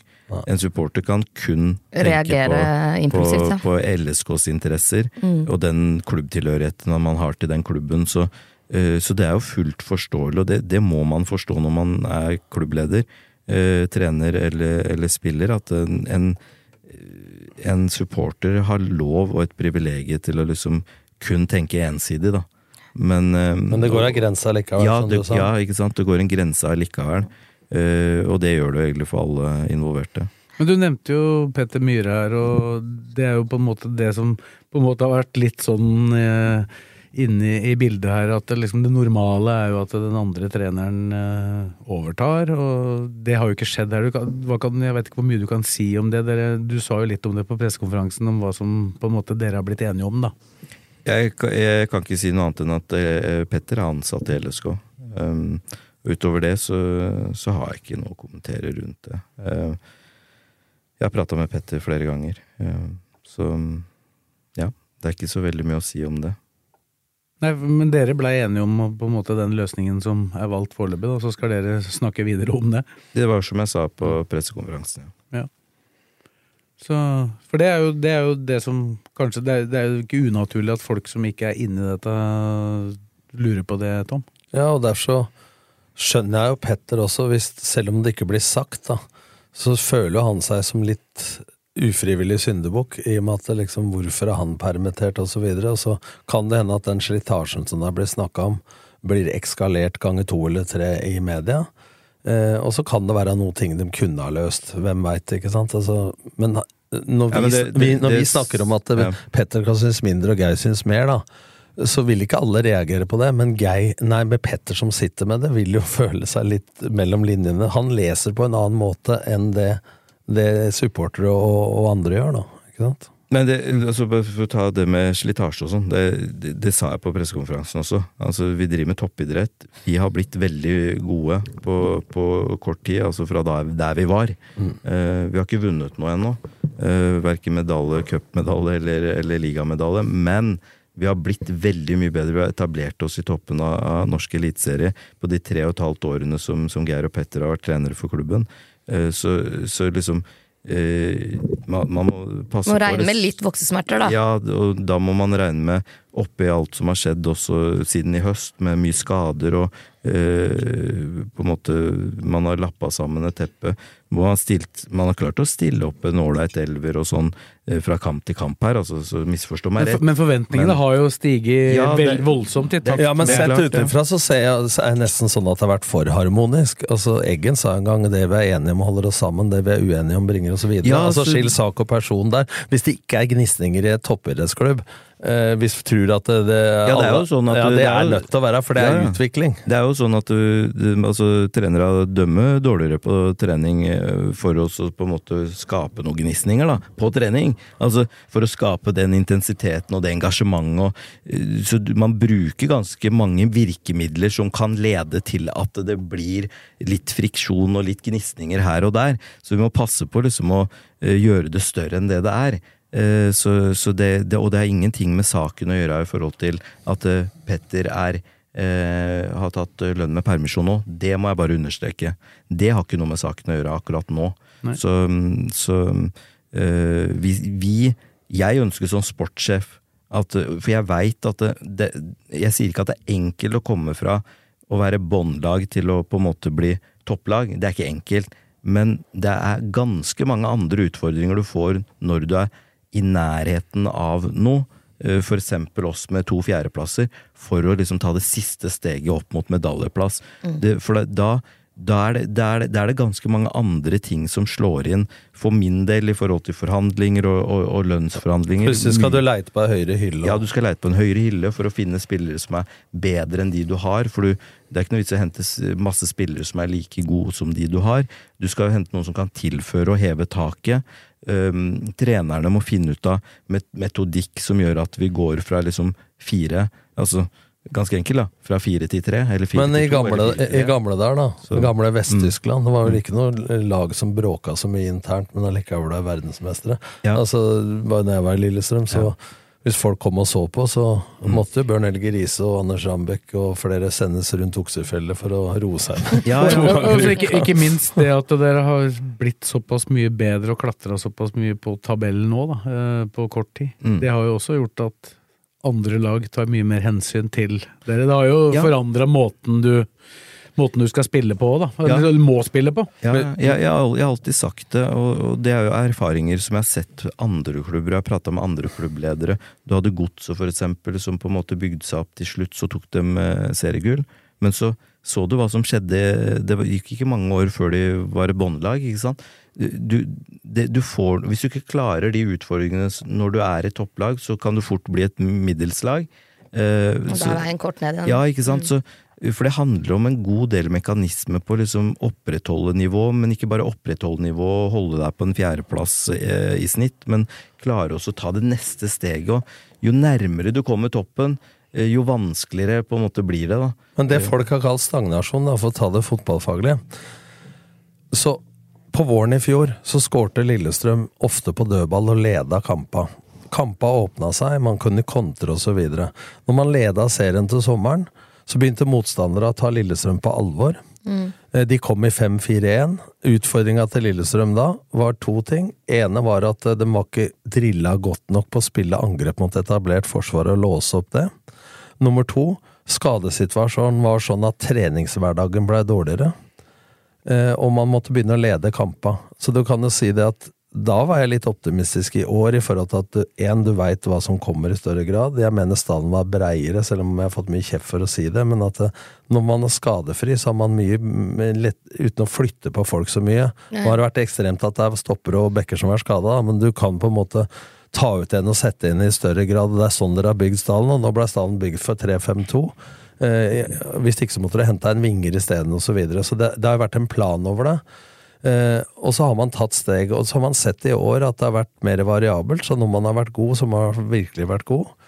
Og så har jeg lurt litt på det, hvor mye diskusjoner har vært på trenerkontoret, for jeg mener at etter hvert at spillestilen Sånn som jeg kjenner Geir og Petter, så har han i det siste vært nærmere Petter sin Manchester City-tanke enn han har vært Petter sin gjennombruddstanke.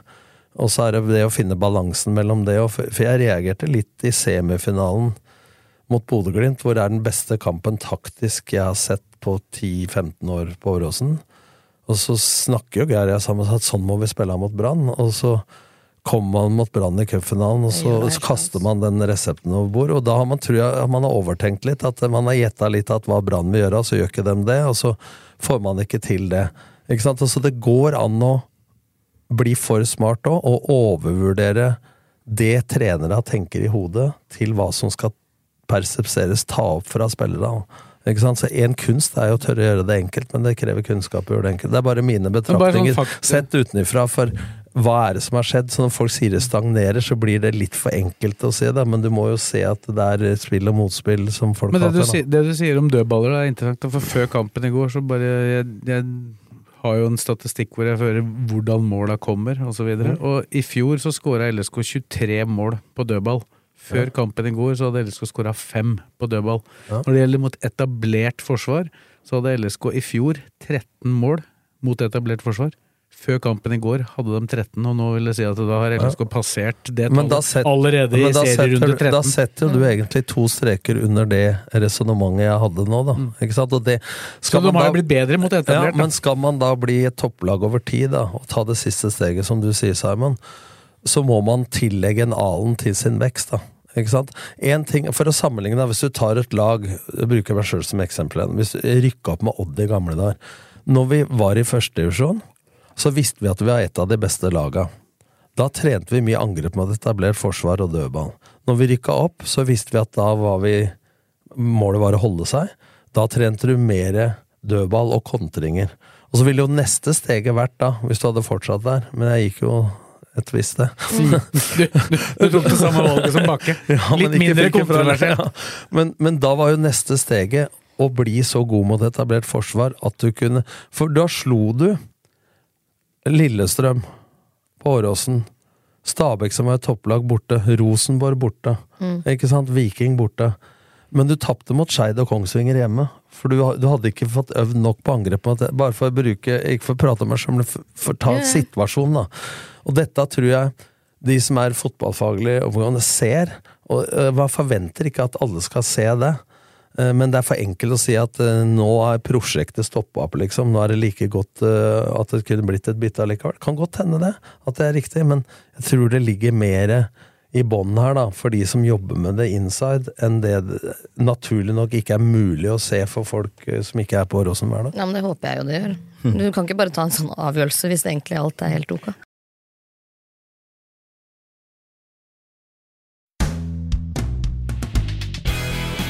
ADK Rør. Vi har spesialisert oss på energiløsninger og spesialombygging av konteinere.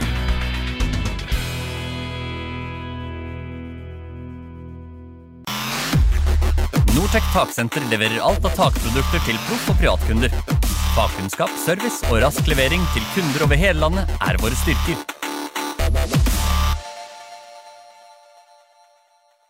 Vi kan bevege oss litt over på kampen i går da, og inngangen til den. for det er klart, Vi, vi snakka jo om den Tromsø-kampen som ja, Mange mente jo at det var den dårligste kampen i år. da, Jeg mener jo fortsatt at det var Sarpsborg-kampen 16. mai. Men, eh, men det var i hvert fall noe treigt og seigt, og, og folk uh, slo liksom korte pasninger til hverandre. og så, som, det så rett og slett ut som at spillere tenkte mer enn at ting gikk på automatikk. Men der har jo dere da inngangen til den kampen i går eh, gjort noen grep? Du kan jo fortelle litt om hva dere var opptatt av i denne uka før den kampen mot Sandefjord.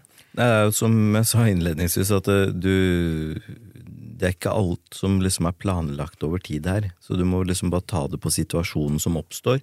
Og det jeg fant ut tidlig, var at det, jeg kommer til å innstille meg sjøl. Altså det er styret som avgjør dette her. Men eh, for det er jo veldig spesielt å innstille seg selv i- til noe. Ja. Eh, til noe som helst, egentlig. Blitt- blitt Ted Jan Åge, da? Ja, du, ja, ikke sant. Og da, Simon for president. I utgangspunktet så, så vil man jo være inhabil i en sånn sak, men, men jeg har, føler jeg har fullstendig og 100 tillit til styret til at de også har tillit til at jeg klarer å, øh, å ha magemålet på meg sjøl. men argumentet mitt med å innstille meg sjøl som hovedtrener midlertidig, er at øh, vi har et fantastisk godt team som jeg har vært med å ansette. Som jeg har ansatt sammen med Geir og, Petter, da. Eh, flere av dem, mens noen har vært der lenge, sånn som for eksempel Geir Kåsene. Eh, så, så de seneste åra har vi bygd et stort og bredt eh, apparat med bred kompetanse. Jeg mente at vi må stole på de i det kortsiktige løpet til å håndtere laget eh, med meg som hovedtrener. Men grunnen til at jeg innstiller meg selv som hovedtrener, er at jeg ønsker å ta av presset for de samme menneskene som jeg prata om nå, i støtteapparatet. Fordi eh, hvis eh, jeg hadde sagt innstilt Kippe eller Sjelander, da, som hadde vært nærliggende, det er, det er de to nærmeste fotballtrenerne, eh, selv om Sjelander er analyseansvarlig, så er han fotballtrener. Så, så kunne jeg satt i en situasjon med noen tap, at det ville på en måte fulgt dem inn tilbake i den rollen de skulle ha seinere. Eh, og så eh, tenker jeg at man Jeg gikk seks-syv år før jeg ble sportssjef, i en assistentrolle for Torgeir Bjarmann. Jeg klarte å få, og jeg er veldig takknemlig for det, for da på en måte klarte jeg å bruke tid til å bli klar til å innta rollen og det ansvaret det medfører, og ikke minst det presset som kommer, som du, du, du, du kan ikke være forberedt på det. Du må lære deg det på en måte over tid. Eh, og så kan du si at eh, hvordan skal Sjelander og, og Kippe og lære seg det presset med å på en måte ikke være i fronten? Kanskje de kunne fått øvd på det nå, men jeg, jeg syns ikke det var tiden for å øve på det nå. Men det som alle skal vite om, er at det er Sjelander og Kippe som har drevet treningene sammen med støtteapparatet. Jeg har brukt veldig mye tid på man management i disse dagene. Eh, prate med enkeltspillere både under trening og etter trening, før trening. Eh, og så har vi samarbeida om Eh, om på en måte laguttak, strategier med tanke på Pluss en viktig ting. Ja. Du får tatt av media uten at de trenger å forholde seg til det. Nettopp, for det, det er en del Altså, jeg, jeg veit jo om det, eh, for, for jeg har vært med såpass lenge, men det er ekstremt mye tid jeg brukte i går, på, og ikke bare i går, men alle andre dagene også, på media og, og på en måte å kvittere ut ting og stille opp på ting. Eh, og jeg er vant til det, gjennom i, i kraft av den rollen jeg allerede har som sportssjef. Så jeg, jeg syns at det blei en bra Jeg syns at vi kom godt ut av det. Uh, og så er det noen som har sagt til meg også um, at uh, jeg kjører risiko på min egen rolle. Uh, på at jeg tar med meg ting inn i sportssjefrollen. For det er jeg som bestemmer laguttaket. Og, og, og, og spillerne er fullstendig klare, for det var tydelig i garderoben at er det noe som gjelder laguttak, hvordan treningene er bygd opp, eller hva søren det er, så er det, det er jeg som er hovedansvarlig, da kommer dere til meg. Så, så, men, men alle ser at dette her er altså, Det er som jeg sier, du går ikke inn i en klubb som sportssjef eller hovedtrener uten at du Altså, du blir, du blir ikke bedre enn de Men du har rundt deg, ikke sant? Ja, men Dette handler om krisehåndtering, ikke Ja. situasjonsbestemt ledelse. Og dette er ikke noe problem tror jeg, for deg å gå tilbake i den rollen, hvis ikke det blir for lenge. Mm. Som du sier, ikke sant? Eh, For, det, for eh, du sier at ansvaret ligger på deg, da tar du av det presset. Og det, og det trøkket er der. og det, Jeg husker jo fra før i tida når TV 2 hadde Du brukte jo en time hver dag, minst, på media. Mm. Og at de, de som da driver treningene fotballfaglig, får lov å slippe det, det er jo Mm. Så jeg skjønner bakgrunnen på det valget. Så skjønner jeg de som stusser liksom skal ta over her nå, men nå Mm. begrunner jo du Ja, for, for potensielt da, så er det jo spillere som du setter på benken her, som du kanskje om en måned eller to skal forhandle om uh, ny kontrakt til, da. Ja, men allerede, allerede ved laguttaket så, så kom den. Uh, Jeg vet jo at det er noen som uh, ble skuffa der, og så vet jeg og ser reaksjoner på noen som blir skuffa med tanke på hvem som kommer inn i kampen osv. Men det skal gå på Det, har, det tar jeg, Mm. og så skal André og Kippe og resten av teamet også slippe å på en måte ta med seg eh, de friksjonene, da. For man, det er viktig å huske på at jeg går tilbake til en sportssjefrolle. Jeg trer ut av trenerteamet og støtteapparatet, mens eh, André Sjelander er? Mm, og, Kippe, være de skal være der. Men lærte dere litt av det? For man fikk jo sånn reaksjon sjøl også. Ari, Ari Sundgodt-episoden. Ikke sant? Som var klar for å bli hovedtrener, og som rakk opp henda til to dager og sa at dette er ikke jeg klar for. Ja, jeg, jeg på en måte får, får litt vondt av den episoden, og så ser jeg Du visste hva jeg skulle si? Ja, ja, ja jeg visste det. uh, ja, så svaret er ja. Uh, Kåsen og, og Arild hadde hovedansvaret da, uh, og Arild som hovedtrener. Uh, det, jeg, jeg, altså, teamet var mye mindre da, så jeg, jeg klarer egentlig ikke å se noen annen løsning enn at da måtte man hente noe eksternt. Men det hadde kanskje vært naturlig å hente noe eksternt. Men man visste jo da også at, eller man trodde da også at det var ganske kortsiktig. Det blei jo bare to kamper, for det var, skulle være noe fotballferie der. Ja. Så man kjøpte seg tid.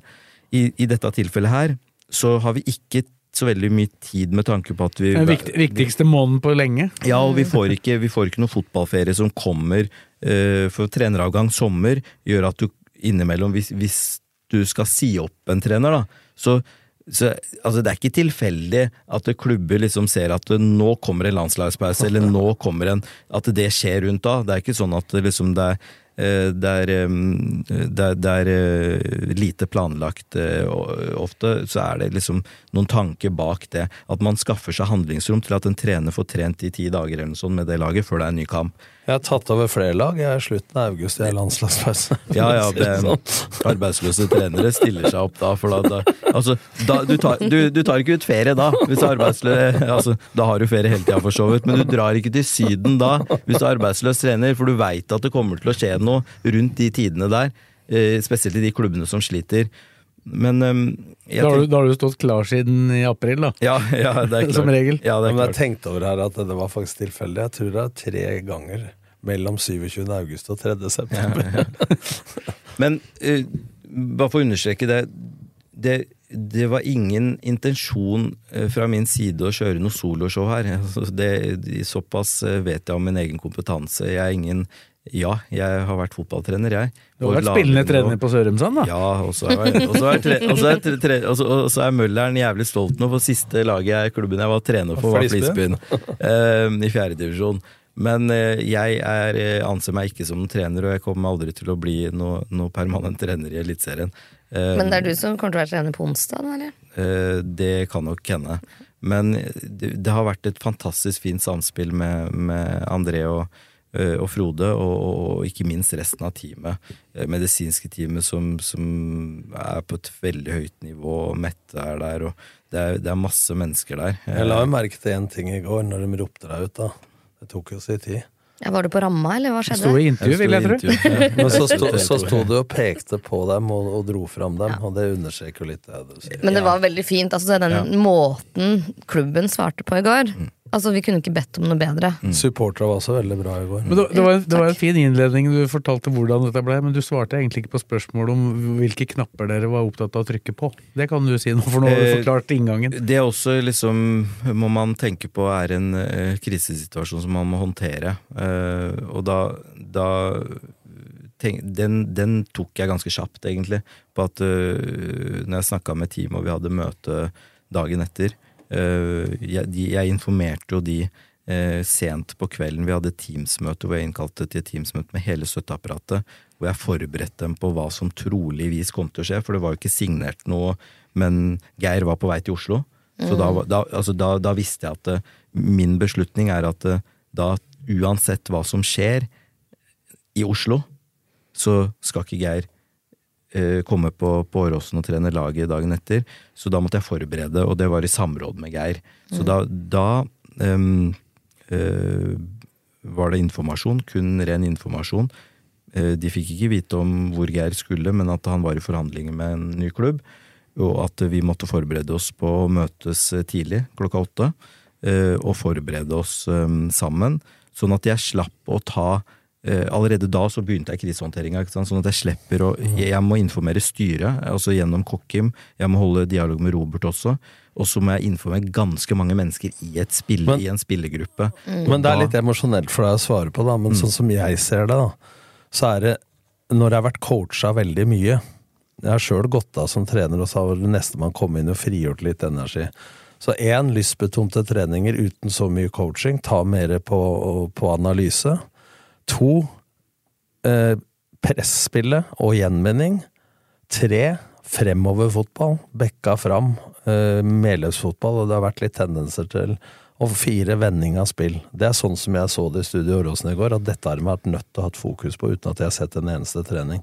For i går var det nesa mot mål, det var fremoverfotball, det var, var det var venn når du kan, spill Mm. støtte når du må. Ikke spill eh, støtte når du kan, og venn når du må. Ja, så, så, så i korte drag så vi, vi hadde det møtet vi, på morgenen, og da i løpet av natta så, så rakk jeg å tenke på liksom, hva, hva er det vi skal ha fokus på her nå, og da er det på en måte som Tom nevner, eh, litt med, med, med litt annen sjargong på dette her med fremoverretta fotball, eksempel. Det at du har du mulighet til å se framover, så ser du framover. Hvis du feiler, sånn som eksempel med Ranger, da, som vi veit har kompetansen med å drive framover med ballen i beina, han blir ofte eh, grisetakla, får vi frispark. Kan flytte laget høyere opp i banen. Han får et innkast høyere i banen. Jeg var redd for at han skulle bli skada Ja, ja. Eh, altså, det, det handler om at eh, du må ta den, den første mannen du, du kommer over, og så må du lage ubalanse i motstanderen. Og, og hvis han kommer forbi, så kommer han jo forbi, og så blir det en eller annen form for aksjon som skjer høyere i banen. Så jeg var veldig opptatt Jeg så jo eksempel at du satt med Ranger og Dragsnes etter den ene treninga, og da Hvis det var framoverfotball du prata med dem om, så funka i hvert fall det. For Ja. ja, det er jo ingen, Men- selv om han var men- stopper i går, ja. så er det ingen som har sett Range, nei, Dragsnes heller mer framoverretta i år enn han var i går. Ja, men husk på at jeg, jeg, jeg snakka ikke Jeg brukte ikke noe Jeg brukte ikke begrepet framoverfotball eller eh, det, det var bare det å forst- få de til å forstå at de har frie tøyler til å se framover i banen, og at jeg ikke skal ta dem for feilene de gjør, hvis de prøver å gjøre positive aksjoner framover i banen. Så Det er vi- vi skal- intensjonen som teller, ikke resultatene Nettopp, så vi, vi skal fortsatt altså, bruke støttepasningen eh, hvis vi må, ikke sant?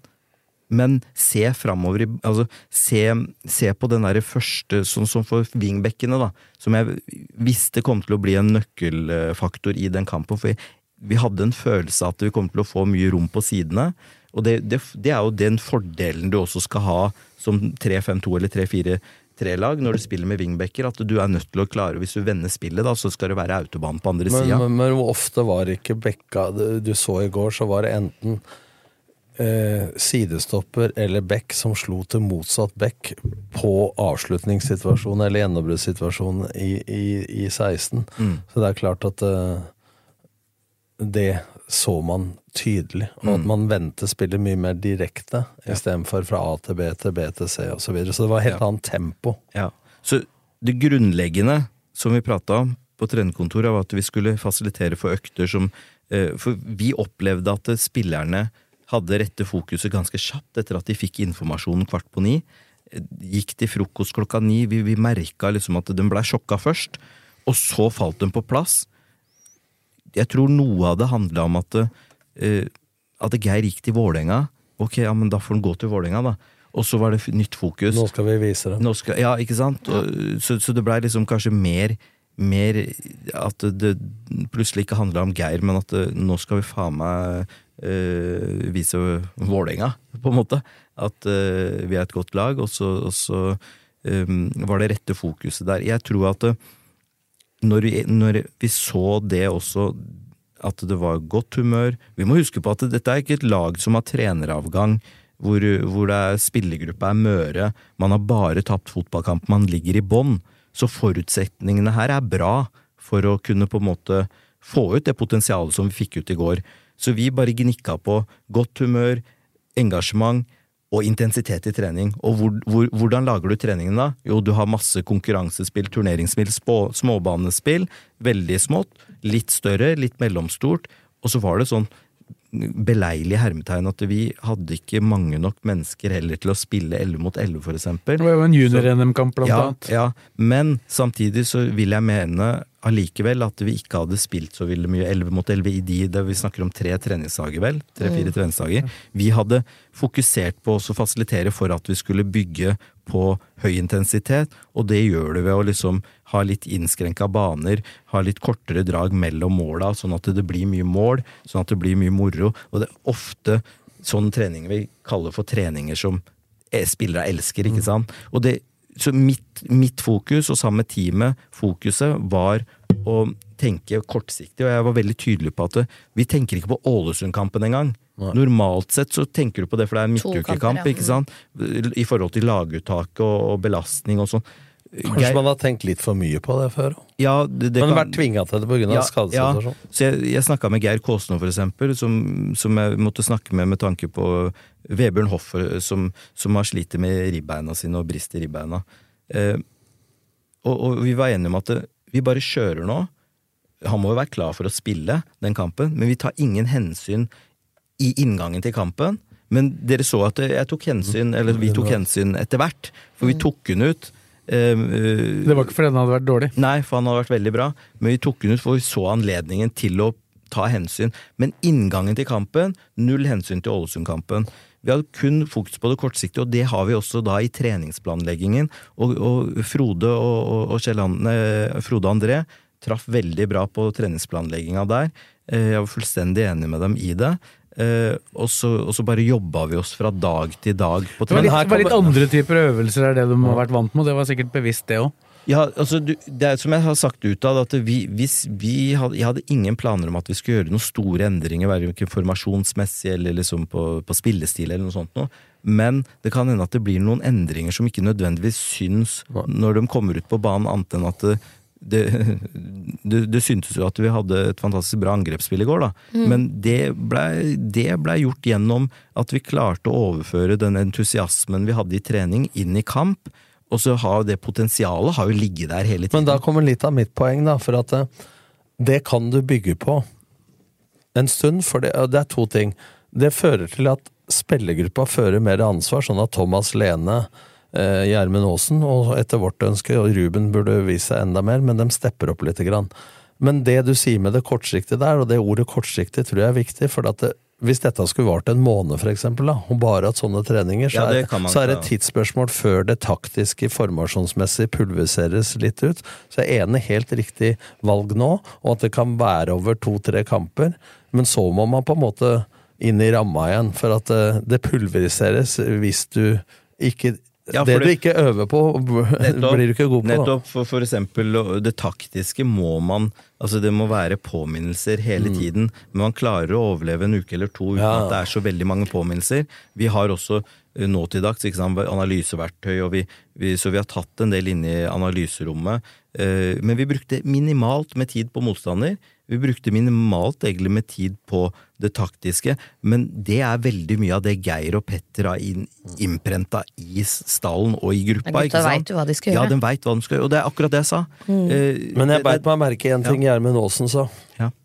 Og det han sa sp lengre spillsekvenser. Altså Nå veit jeg at jeg har spilt mye etter coachinga, men når man er veldig fotballklok, da, som Geir og Petter, og som jeg sjøl har falt i fella på mange ganger, er at det, man kan bli så ivrig og overtenkende at coachingsekvensen At det, du spiller ti sekunder, og så prater du i to minutter. Og så blir det en at man får lov, som Gjermund sa, da, til å så la det drive på litt lenger. For han sa at det, vi er jo alltid uthvilt. Mm. Men vi skal tross alt ta en del valg i kampen mens vi er slitne. Så, så jeg tror det der at man forandra litt på det Det er ikke snakk om at det de har gjort før har vært ræva, det nå er liksom halleluja-geni, men det er de ikke. små justeringene som gjør at det frigjør den energien du ser. Og det kan også i dagens fotball, da, hvor du har kameraer overalt, så ser jeg at alle lag tar mye mer hensyn til motstanderen enn før. Og så mener jeg at det kan bli overkant. Ja, og, det, og det, alle de tingene du er innom der, det, det var det jeg reflekterte litt over, og sammen med teamet også i de gode diskusjonene vi hadde fra dag til dag. For nå, nå var det sånn at vi treningsplanla litt fra dag til dag. Eh, som sagt så hadde Skip og Kielland full kontroll på det. Eh, det handla om liksom hvordan vi nå, Når vi sier at vi skal eh, Sier til Ranger at han skal bare kjøre. Bare kjør uansett liksom opp i femtegir med en gang. blir du takla, så får vi en frispark høyere i banen, blir du, eller et innkast eller en corner eller et eller annet. Eh, og hvis du mot formodning mister ballen, så er det bare å gjenvinne. Men du, du skal aldri bli tatt for at du mister ballen. Og jeg han kunne gjenvinne, så det som var bra i går Jeg tok det på Studio Råsen. Det var mange gule veps rundt det røde syltetøyet. Ja. Og det var Ja. sånn at det Ja. ja, for at Ja. det, kameraten din var der. Altså det var når én missa i presset, så var nestemann der. Så det var ikke så mye konsekvenstenkning. Liksom Førsteforsvareren i det siste har titta bak seg, har jeg sikring nå? Nå var det bare sånn at bakenforliggende ledd har ansvaret for, eh, for leddet i press, ikke sant? Og, for ballfører. Og da bare kjørte du. Ja, og og det når jo- førstemann går, hvis du tenker deg at det er et tau mellom deg og meg nå, Simon, og du er førsteforsvarer, ja. hvis du går da, selv om jeg er tyngre enn deg, så rykker det litt i meg òg. Ja, ja. Så må jeg følge etter, ikke sant? ja. ja. Og det, det var prinsippet i presspillet ja. som vi ønska å få, få inn i hodet på dem. Og, det, og, og, og da vet vi også at det kommer noen konsekvenser av det, for innimellom så var det to stykker som pressa på lik linje, ikke sant. Mm. Eh, men da kan ikke vi ta, dem, ta gutta for det. For at det, det, det er litt sånn at når du, når du kjører litt på autopilot da, så, så, så kan man gjøre noen barnefeil. Og det, det, det Vi ser det. Men det vi har fokus på nå, er det, altså, hva vi gjorde offensivt, hva vi gjorde i presspillet, og entusiasmen. Og der ga jeg spillere ti av ti etter kampen uh, på gjennomføring. Uh, og så skal vi jobbe litt med um, uh, noen små ting på, på, på hva vi kunne gjort bedre. Men vi skal ha veldig fokus på hva vi gjorde bra nå. Og så er det opp til ny trener å komme inn og jobbe med annet det defensive, fordi vi har sluppet inn en del enkle mål nå. Eh, Ja, det var jo det ikke noen forandring på. Ja, Men på forsvarsspillet var jo Ja, bra. ja, På motstanderens halvdel Ja. så var forsvarsspillet kjempebra. Ja. Fra 20 meter og inn så var det de sa, samme feil. Men når du gjør det Problemet er at du, de, de skaper ikke fryktelig mye, men det de skaper er ekstremt stort. Men du står også Når du presser to på linje, som du sa da, så, så blir det veldig sånn synlig de gangene du gjør det. Men poenget er at du tåler å stå i posisjonell eller numerisk ubalanse, altså med for lite folk, hvis du er god på gjenvinning. Og da må du regne med at det skjer én eller to ganger et sånn kontringsspill. da. Men hva er da gevinsten kontra risikoen? Ikke sant? Så jeg syns det var mye mer sånn frislepp av hingster da, på våren eh, Ja. i går. At Og det det er jo, sånn, det er jo egentlig, uh, kort oppsummert, det, det vi ønska å, å få fram. Ikke sant? Så, og da, da var jeg veldig spent på Jeg så det tidlig i treningene, at vi fikk det fram. Men så er det sånn at det, alle har God treningsuke. Ja, ja, ikke sant. Og, og det, jeg måtte jo selvfølgelig, Jeg tenkte jo på det hver gang jeg sa hver eneste dag til media at, eh, og til deg, Svesingen, at eh, disse treningene eh, er bra. Men Men du presiserte at det var 17.00 søndag som eh, Ja, og- ville være svaret, da. Og det er jo det, ikke sant. Ellers så, jeg sier ikke at det ikke er verdt noe å ha gode treninger, for det er jo verdt noe over tid å ha gode treninger. Men eh, sånn for det kortsiktige resultatet, så var jeg veldig, veldig spent. Det var der jeg var mest spent. Hva skjer hvis vi ligger under 1-0? Hva skjer hvis vi leder 1-0? Vi snakka om at eh, hvis det skjer, så vi bare kjører. Og det syns jeg at vi gjorde når vi skårte. Dem reduserte, eller utligna. Men så, så Men hvis du hadde trent rolig, da, så er det ikke bare å skru på flomlyset på søndag klokka fem og tenker at alle pærene virker. De, den treningen dere har hatt, har jo testa liksom fyringa, og da er det jo større sjanse for at du veit at, eh, at eh, pærene virker eh, på, på søndagen. Ja. Ja, det er nettopp det. Så veilederen med tanke på hvor du står inn mot en kamp, eh, du, du, får, du får en veiledning på det gjennom treningen og prestasjonene der, i langt større grad enn eksempel eh, oppvarminga til kamp. For oppvarminga til kamp er jo helt umulig å lese om kampen blir bra eller, Ja, ja, ja. eller dårlig, for du, man kan ha grisedårlige oppvarminger, og så spiller man helt fantastisk, og man kan ha helt, sånn, helt fokuserte spillere fra starten av oppvarminga, og det ser, ser ut som en million, og så er du tvers av når kampen starter. Dette er det vanskeligste for Ja. trenere, for du veit ikke om de er sløve, konsentrerte Ja, ja. eller hva Er, er ikke derfor, er ikke altså- derfor ofte trenere ikke er ute på banen? Ja, på helst ikke se før du kan bli Ja, deprimert. Ja, ja, det er nettopp det. Så, så der er det mye verre å forutse. Eh, På, på, på, og det er litt rart, for at det er, min, det er jo så nærme kampen. Ja. Mens treningsuka er, en, det er jo en veileder. Det er ikke noe garanti, men det er en veileder med tanke på om du, eh, om du har treffet på en del eh, punkter som du vil ha inn i kamp. Da. Så må jeg berømme selvfølgelig spillergruppa, som eh, de har vært fantastisk lojale. De respon har respondert på en veldig fin måte. Eh, de har tatt meg som den jeg er. Eh, de vet at her kommer ikke jeg med noe hokus pokus. Og så har de tatt André og, og, og Kippe på, og resten av trener, eh, støtteapparatet på en fantastisk måte. Men dette visste jeg om. Altså, det, Gjermund Aasen gikk gjennom hele støtteapparatet i år. Han, jeg tror faktisk ikke han glemte noe. Nei, og det er Han klarte- Men han kunsten, står er- men, live. kunsten, men kunsten er nå å vite hvorfor var du god nå Mm. i går, så du kan gjenskape og videreutvikle det. Eh, og, greie å fokusere på det, men allikevel ta tak i en par detaljer. Mm. Ikke sant? Men det, er- det, er jo, det er jo viktig også å understreke at det, grunnen til at jeg var såpass sterk i troa på at det var riktig at eh, støtteapparatet driver dette her med meg som frontfigur, da, eh, i, i, i hvert fall en uke, eh, så for vi visste at vi hadde tre kjappe kamper her, det er fordi jeg vet at jeg og Geir og Petter har bygd opp et team her som, som er jævlig stødig da, på kompetanse. Uh, og det er en bra bredde i det, så det dekker mange områder. Og det er folk som på en måte virkelig brenner for klubben og er lojale. Så jeg visste at det ikke kom til å bli anarki i støtteapparatet. Men én ting er men en ting er kompetanse. Ja. Og det jeg tror, altså Man kan diskutere det fordeler og ulemper, men at du tok den rollen, da. Det gjør jo at du slapp den Arle Sundgodt-situasjonen. For hvis de hadde kommet opp i det Fotballfaglig kan det hende at det kanskje hadde vært riktigere, men du slipper den derre Oi, dette var nytt for meg. For ikke minst, Jeg er mest opptatt av den mediebiten, å ta av trykket. Du er vant til det. Og kan avvæpne. du ser det fra hele klubbens side. Så, så det tror jeg er det viktigste rundt det. Sånn at de kunne sitte av seg ned og planlegge trening, selvsagt med hjelp av deg, men at det, da kunne dem kun tenke fotballfag, og ikke alt det styret rundt. For at det er jo ikke tvil om at alt det styret som har vært siden en sånn sjokkbeskjed, det er eh, mange år siden det har vært det trøkket. Og hvis jeg forstår deg riktig, så har jo du på en måte det fotballfaglige ute på feltet har du jo mer eller mindre overlatt til dem, selv om dere har diskutert det på forhånd. Ja, Eh, vi, vi snakker om det hver morgen, og så kommer de med, med de forslagene som de mener er det, det beste, og så har jeg jo vært eh, fullstendig enig. Så det, eh, og så har vi hatt noen eh, laguttaksdiskusjoner nå inn mot kampen, hvor jeg hørte ut alle, eh, og, og vi, vi ikke konkluderer eh, fra dag til dag, men at vi Laget vi ble tar en- akkurat sånn som Sves og jeg sa. ja, altså, det var ikke så veldig hokus pokus, det vil jeg si. Men det var, det var noen alternativer til andre løsninger, ikke sant.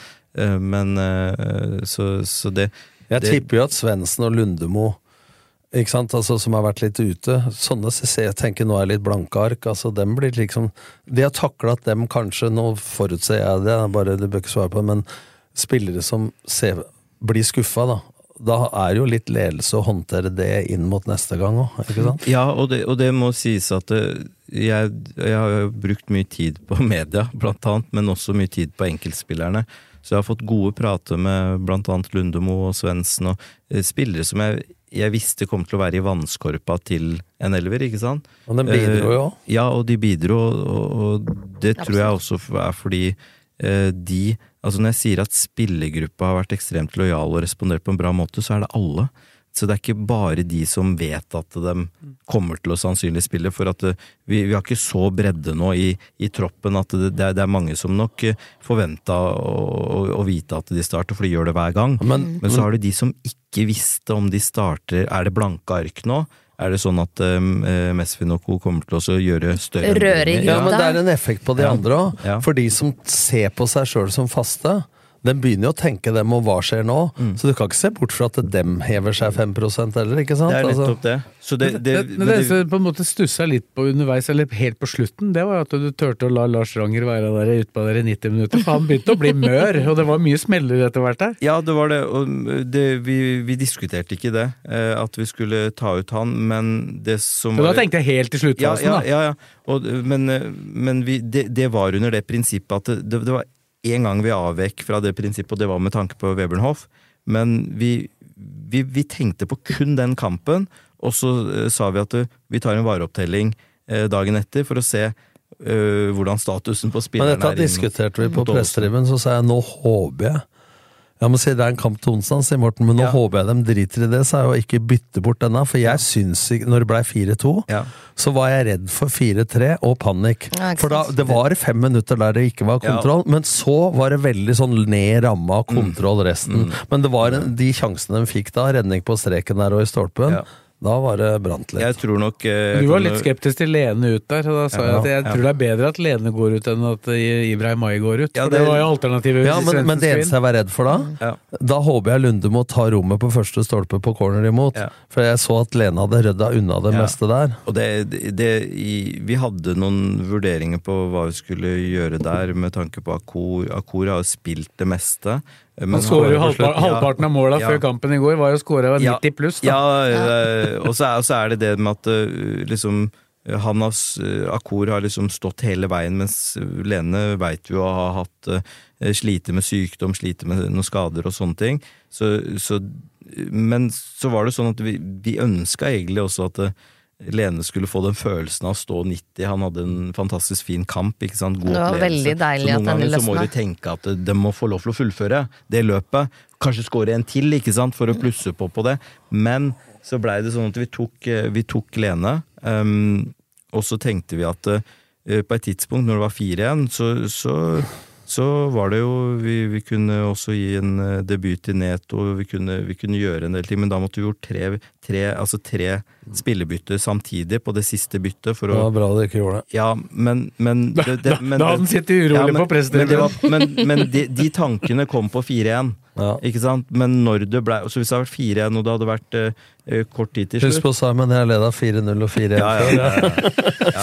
Men, det, men nå, nå, de, nå deler jeg veldig mye av de Eller nå deler jeg litt av de tankene Ja, som, er vi, bra, som vi, vi tenker på underveis. Og så, og så er det sånn at vi, du tenker på det i 30 sekunder, og så diskuterer vi litt, og så, og så suger vi litt på den, og så kommer vi tilbake til hverandre underveis, og så merker vi at det, nå er forutsetningene annerledes. Nei, vi står, for vi vil ikke bytte bort den kampen her. Men de to tingene tinga jeg var skeptisk til Mm. med Lene, det var at det, selv om Akor løper mye, Mm. så ser jeg at når Lene spiller med Akor, så presser Akor mer fornuftig, fordi Thomas er klokere. Ja. Uh, pluss dødball imot. Det var de to tinga. Så jeg tenkte sånn, da hadde jeg heller tatt Akor, men så sier du han scorer jo alltid 90 pluss. Ja, og, og, men, men vi var veldig på Jeg diskuterte med Sjelander underveis der at vi var veldig på at uh, Svendsen skulle inn, men hvem av spissene tar vi? Um, og da, da ville vi egentlig gi Thomas en følelse, for de som så det, så sa jeg noen ord til han når han gikk av banen, Ja. og det, da sa jeg egentlig at jeg veit at du ville spille de ti siste, men han bare gliste tilbake igjen.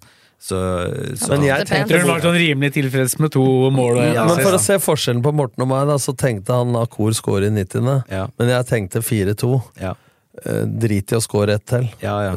Vinn den matchen her, Ja, ja. tenkte jeg, da. Så, men så hadde vi en spennende sak med for eksempel Henrik Skogvold, ikke sant? Ja, han vil jo gjerne inn, vil jeg tro. Ja, altså, og, vi, og han, han har kommet på et nivå nå hvor han kan gjøre en forskjell. Hva sa jeg, Morten? Nå tror jeg jaggu jeg hadde satt inn Skogvold Ja. før, før Svendsen, men, Jo, men Svendsen hadde vært for nær laget til at det ble en vurdering, kanskje? Ja, men, men så må Der så, så mener jeg at det, igjen, da, det er noen ting vi tenker på når, du, når vi skal bygge den der øh, Ja. kortsiktige lagånden. Og det er at de som har vært i båten og jobba her disse dagene og stått i, i vinden, da, de må få premie for det. Ja. Da følte jeg at eh, vi, vi fikk, fikk brukt de spillerne som har stått her. Må huske på at Henrik Skogvold har vært borte i flere uker. Men Henrik Skogvold er så fin gutt han, og så fornuftig gutt at når jeg prata med han etter kampen, at, eh, hvor jeg sa til henne at eh, eh, vi hadde veldig lyst til å sette deg inn, men vi fant ikke muligheten til det denne gangen. Ah. Det går helt fint, så lenge LSK vinner. Og, og, Men han har jeg fått trua på. ja, ja, og Men han er jo brasse, da, så Og, og mange kan si det og ikke mene det, men jeg kjenner Henrik Skogvold. Han det, mener det det når han sier det, og han har forståelse for at han kom hjem uh, til siste treninga, uh, var det vel? Hvis Ja, ikke jeg husker feil. ja, og da skjønner han at det er noen som Det er noen, det er, Noen foran i køen, det da. er, ja, det er noen som har stått Det jeg der ikke har i forståelse for, er hvorfor han starta på benken i to siste kamper for Norge. ja, det kan man si. Men um, Da, for da hadde han jo ikke vært aktuell antageligvis for spill Ja. hvis han hadde spilt de. Ja, men, men Henrik har kommet opp på et nivå nå hvor han, Uh, han, uh, han kan gjøre en forskjell for oss. Og det er veldig fint. Og så har vi fått Lundemo opp å stå uh, nå. Han har vært fin, veldig fin på trening de siste dagene. Eh, og, så, og så har vi Svendsen. Så vi, vi, vi har Det er en har- fin gjeng. Ja, så Men spesielt med Skogvold, når du spiller mer framoverfotball, da. Mm. Og han er jo enorm til å løpe, god førsteforsvarer, men han er true og bakrom også. Ja, og det er, det er sånn når du først skal sette inn noen, så er det veldig fint at disse spillerne vi kan sette inn i frontledd der, har Men, fart. men for å sammenligne, da, Svendsen Hvis du tar bare sånn, legg bort det der bygget kultur, altså hvis du er rent fotballfaglig, så tenker jeg sånn Hvis jeg hadde valget mellom Skogvold og, og Svendsen, da eh, Sett bort fra det du har sagt nå, så hadde jeg tenkt sånn at hvis, eh, hvis du må ha mål, motstanderen ligger lavt, Svendsen skaper ubalanse. Hvis motstanderen må fram og vi skal kontre, Skogvold. altså hvis du legger bort alt det andre du ser. Altså, Men da har du jo muligheten nå, da, til å Mm. Velge sånn at- type spiller ut fra kampbildet. Ja, og så er det sånn at Svendsen eh, kan jo eh, hadde, Spiller man indreløper, så kunne han spilt indreløper, ikke sant? Mens eh, Skogvold er mer en frontspiller som eh, sånn som vi spiller, spiller enten spiss eller kant. Da. Tenker han irriterte seg litt i går kveld at han ikke skåra mål, for han hadde et par muligheter Ja, han der. var, han var god i går. Ja. Ja, Svendsen, han eh, eh, Han fikk eh, beskjed om én ting, og det var at du kan drible så mye du vil, bare gjøre høyt i banen. Men han var lavt i banen noen Ja, ganger. ja, altså, han sugdes mot ball. Ja, Men nå, nå, nå, blir, det- nå er det Ålesund-kamp på onsdag. Nå kommer dere jo ikke til å få trent noe spesielt. Det blir jo restitusjon i dag og kampforberedende i morgen. Da. Nå pleier vi, vi pleier å drodle litt rundt laget, men nå har vi jo han som skal ta ut laget her, så kan kanskje bare gi ordet til deg, Simon? Nei, bare ta ut samme elveren. Bare fortell oss. Jeg har ikke, jeg har ikke tenkt så mye på, på laget ennå. Jeg skal møte Nå skal vi avslutte snart, for Ja, jeg må møte trenerteamet og støtteapparatet. Og så skal vi ikke ta ut laget i dag, men vi kommer sikkert til å diskutere litt. Og begynne å diskutere. Men vi må, vi kan jo, vi, vi må prate med sportssjef uh, Simon Mesvin her, og det er jo to Ja, men Er det to timer til, da? Nei, det kommer an på hvor, Ja, lenge, hvor lange svar du kommer med, ja, ja. Men, det er altså, alltid jeg som får skylda på at det blir prata så jævlig mye. Morten og jeg kan ta litt skyld, vi òg. Ja, ja, det er- Men uh, trenerspørsmålet. Ja.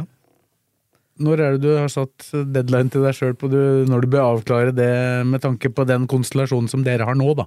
Eh, Jeg har lært såpass mye i det fotballivet her at å sette deadline for noe, den bare forfølger deg. For eksempel hvis du sier at du skal få inn en høyreback innen da eller da, så, så veit du at du, du kjemper Nå må. Simon på jobb. Ja, du kjemper mot klokka.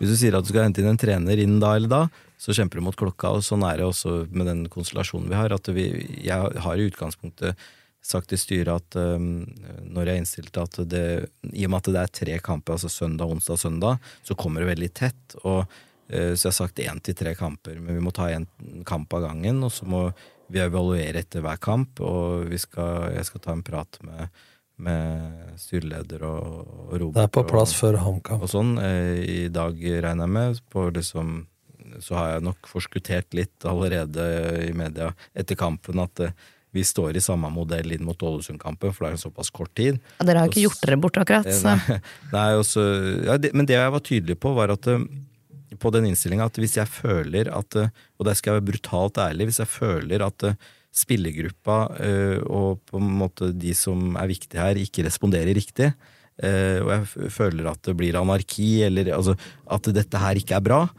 så skal jeg være den første til å si at det jeg foreslo, var, var en, et dårlig forslag. Sånn at eh, da hadde, nok, da hadde man nok sett at vi måtte sett på en annen modell inn mot Ålesund-kampen. Men sånn som det har gått, så, så føler jeg liksom at eh, det har vært eh, ti av ti på respons. eh, og da, da mener jeg at det er riktig å stå i dette her også inn mot Ålesund-kampen.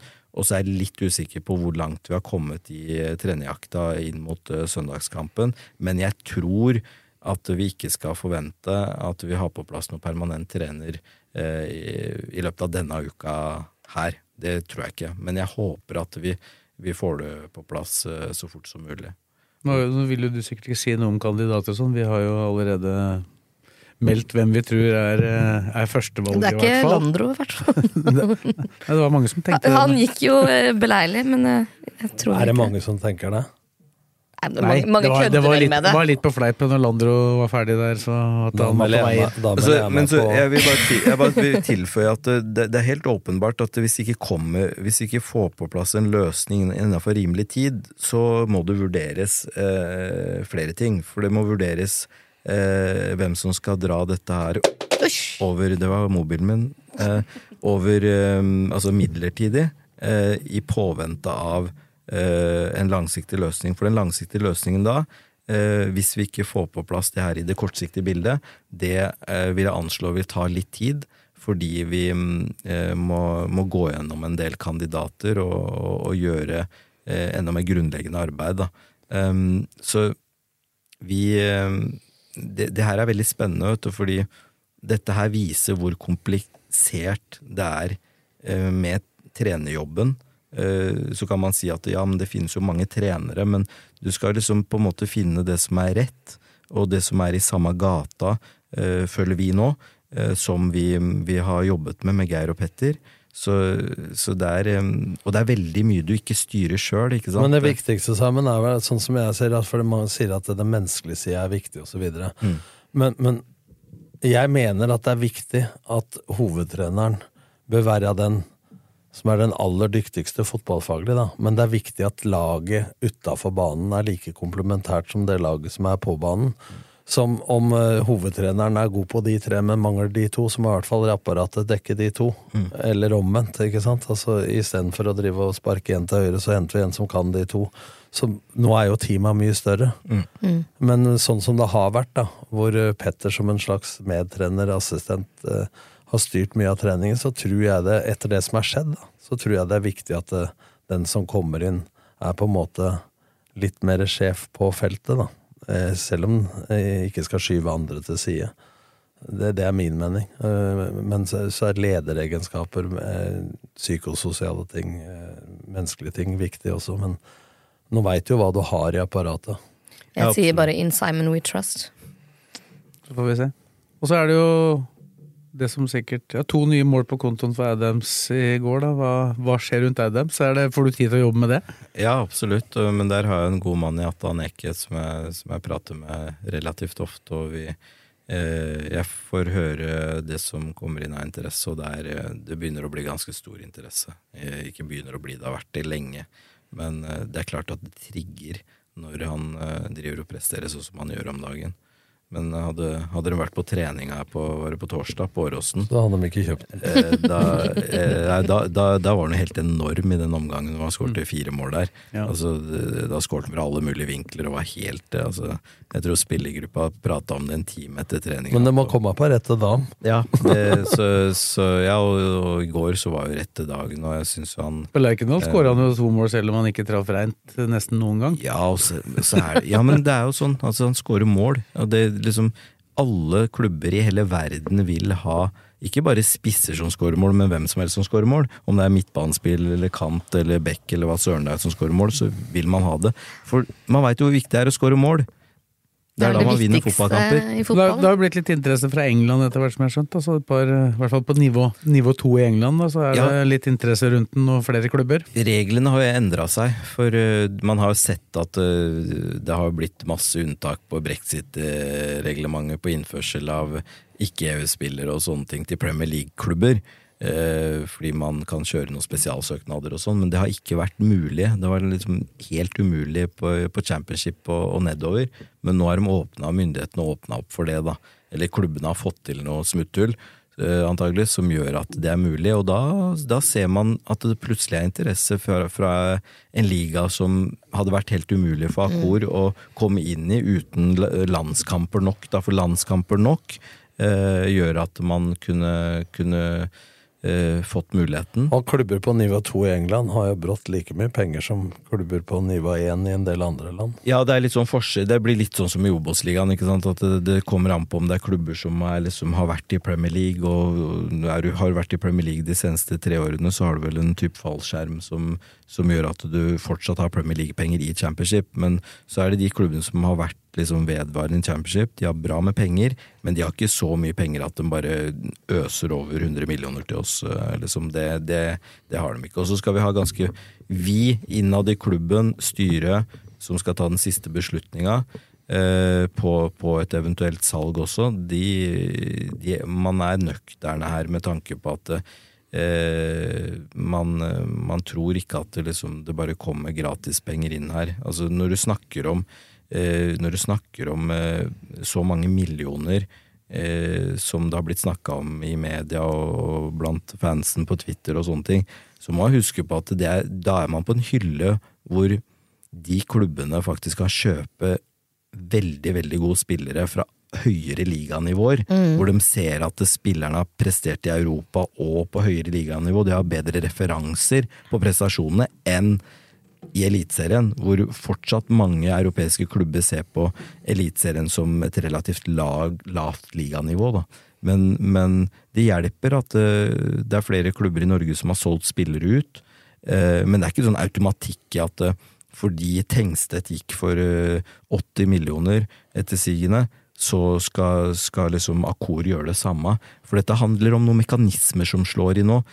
Hvis det er en klubb som plutselig selger toppspissen sin for 300 millioner, da, som kan skje fra en belgisk klubb, for eksempel, til Premier League, ja, og desperasjonen til den klubben kommer, så kan det hende at den drar på eh, på å kjøpe Akor for eh, bare si 70 millioner. Da. Eller at du får flere klubber som kjemper om spilleren. Ja, eller at, at du får flere uh, klubber. Men det, det, er ofte at den siste mekanismen, den toppmekanismen som slår inn, er en desperasjon hos den andre parten. ikke sant? Og den Hvordan kan jeg styre det? Jeg kan jo ikke, kan ikke styre det.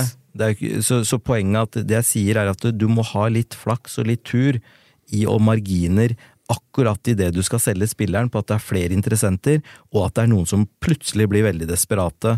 Men det er da det vi prøver å fasilitere litt for nå, da, for vi, vi kunne solgt eh, Akor for lenge siden for tidenes største salg, både bruttomessig og nettomessig. Det kan jeg garantere, men vi har ikke gjort det fordi vi ønsker å teste ut markedet, sånn at vi får litt mer fasiten på hva er det markedet vi gir for den. Og så har vi noen kamper som spilles her, som er veldig viktig før, før vinduet vårt åpner i 1. august. Mm. Og så er det det at vi Jeg tror at um, mekanismen kan slå inn på en desperasjon litt lenger ut i det internasjonale vinduet. Men på et eller annet tidspunkt så må vi ta stilling til det vi kan få. Uh, og da, da, håper jeg og tror at det er på et så stort nivå at vi sikrer klubben i, i flere år framover. Men samtidig da, så er det jo, som du sier, noen kamper også. Og plassering og europaspill og alt. Uh, det skal tross alt være den inntekten som skal slå sammen med inntekten for et salg, da. Ja, så det er klart at hvis du, hvis du blir dritt dårlig plassert og ikke kommer Europa og så videre, da, så er jo det noen millioner tapt, det, og som må regnes opp imot salgssummen. Ikke sant? Ja, det... Så det å ha den her i, lenge nok Altså seks ja. kamper i juli, da. Det er ganske viktig er mange, periode i sesongen. Ja, er mange, men det, er, nå er vi innom ganske mange hensyn å ta rundt en enkel sak, da. Mm. Altså, det er en enkel sak om salg eller ikke salg på, en, på, en, på én spiller.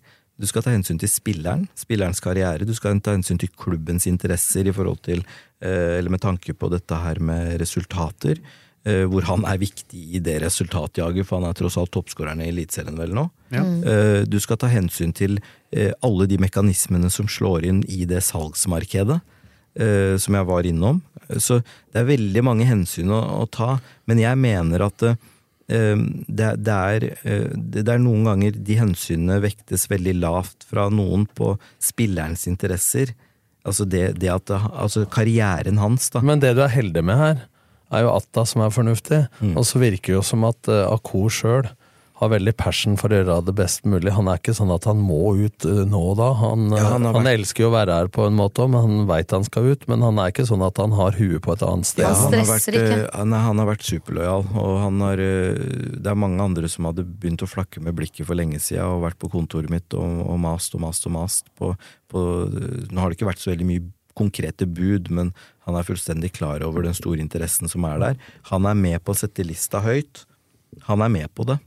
Mm. inntil videre. Mm. Og så får vi se liksom hva skjer, for at det, det er først når, når, ting kommer konkret på bordet man de mekanismene slår inn. Også for klubben, fordi når han spiller kamper, så har han en risiko for skade. Og da kan du spille en høyt spill, ikke bare med spillerens karriere, med tanke på de buda som ligger på bordet, som sikkert er på et relativt høyt nivå, men også på klubbens risiko på at man mister de pengene hvis han blir skada. Så det, det her du, du, skal være ganske Innimellom gjør jeg dette her med ganske stor æresfrykt, med tanke på at du, du det er ikke sånn sjakkparti du spiller, og så, du, du så, og så sjekker du hands. Du så jo hva altså. Godset gjorde med Han har vel ikke tredd i kraft overgangen da, men han eh, Strømskose-spilleren som Gull, Gulliksen til mm. Bodø-Glimt, han mm. ble tatt ut av troppen. Mm. Fordi at det ville være tidenes mm. største salg for mm. godset, selv om det er internt i Norge. Mm. Og da tok de ikke sjansen med at han skulle spille den kampen. Så, så, det er klart det er også en faktor. Men det, det er jo også vil si, i alle de hensynene man tar og, og, sånne ting, så syns jeg liksom styret og Robert er eh, det, det, Jeg trenger ikke lenger å forklare om disse mekanismene hele tiden. Det er høy forståelse for det på høyeste nivå i klubben. Og det er veldig lettende for min del, da, fordi det er ofte jeg som sitter i førstelinja og prater med agenten. De er rolige til de hører noe fra deg. Ja, og, og, og, og de forstår. Altså, de forstår at hensynet til f.eks. spilleren må tas med i vurderingene. Um, hvor jeg tidligere opplevde at man kanskje måtte uh, fortelle om det hele tiden og liksom tegne det bildet. Og det, det gjør at man Jeg tror at man samla sett er på et nivå hvor liksom man, man, uh, man blir ikke grådig, da. Man blir akkurat så balansert at man skal kreve, og så skal man liksom ta hensyn til, til alle disse hensynene jeg har lista opp. Da. Men dette er kulturen dere har bygd opp, da. Mm. Laget utafor laget. Mm. Vi, vi, kunne ha sittet her uh, mange timer til. Vi har jo erfaring med det, Simon. Men uh, ja, det skal vi ikke gjøre igjen. Du, du, det må skaffe, bli meg og Morten, da. Ja, ja. Du, du, skal ut og skaffe trener, og du skal møte støtteapparatet, så du må jo få slippe fri. Det er en del andre som har litt å gjøre òg, så da tror jeg vi sier at det er bra. Vi må bare oppsummere kjapt, da. Deres kjære Skjetten. Lokalfotball det lar vi forbigå nesten i stillhet, men Skjetten tapte 5-1 for Lysekloster. Skedsmo tapte for Gneis, det var kanskje verre sett med Romeriksøyene. Og så har jo Eidsvollturen som vanlig vunnet. Og så har eh, Gjelleråsen spilt uavgjort mot Sandviken. Det er det som har skjedd. Og så er det jo noen minutter til det er eh, kamp i LSK-hallen mellom LSK2 og Stabæk 2. Ja, det så jeg tenkte jeg skulle ta meg en tur dit. Det er litt av et tidspunkt. Ja, klokka tolv. Jeg har ikke ferie, så jeg må jobbe litt. Så, det er noen A-lagsspillere som er med der, men det hjelper jo ikke å fortelle det til folk nå, for dette kommer noen til å høre etter at den kampen er ferdig. Ja. Da takker vi deg, Simon, for at du stilte opp i en hektisk eh, periode med masse inntrykk og masse pågang. Og så takker vi Tom og Kristine som vanlig. Så takker vi deg som hørte på, og så er vi tilbake plutselig i neste uke. Ukens annonsør er HelloFresh. HelloFresh er verdens ledende matkasseleverandør og kan være redningen i en travel hverdag. Mange av oss har nok vandret i butikken både sultne og uten en plan for middagen, som ender med at vi går for de samme kjedelige rettene gang på gang. Middag burde være dagens høydepunkt. Som HelloFresh kan du nå velge mellom 25 ulike retter hver eneste uke, eller få HelloFresh til å sette sammen menyen for deg. Dette gir deg muligheten til å prøve nye og spennende retter alene eller sammen med familien. Du velger antall porsjoner og får alt levert på døren på et tidspunkt som passer for deg. Oppskriftene er enkle, og maten er lett å lage både for store og for små. Ved å få alt levert hjem får du også mer tid til å dele matgleden med familie og venner. Kanskje det frister med asiatiske tacos eller greskinspirert kylling? Da kan jeg anbefale deg om å gå inn på hellofresh.no. Her kan du bruke koden FOTBALL og få opptil 1779 kroner i rabatt på de første fem matkastene hvis du ikke har prøvd Hello Fresh tidligere. Du kan også bruke rabatten hvis du har vært kunde og stoppet abonnementet ditt for tolv måneder siden eller lengre. Gå inn på hellofresh.no og bruk koden FOTBALL. Har du et enkeltpersonforetak eller en liten bedrift? Da er du sikkert lei av å høre meg snakke om hvor enkelt det er med kvitteringer og bilag i fiken, så vi eh, gir oss her, vi. Fordi vi liker enkelt. Fiken superenkelt regnskap.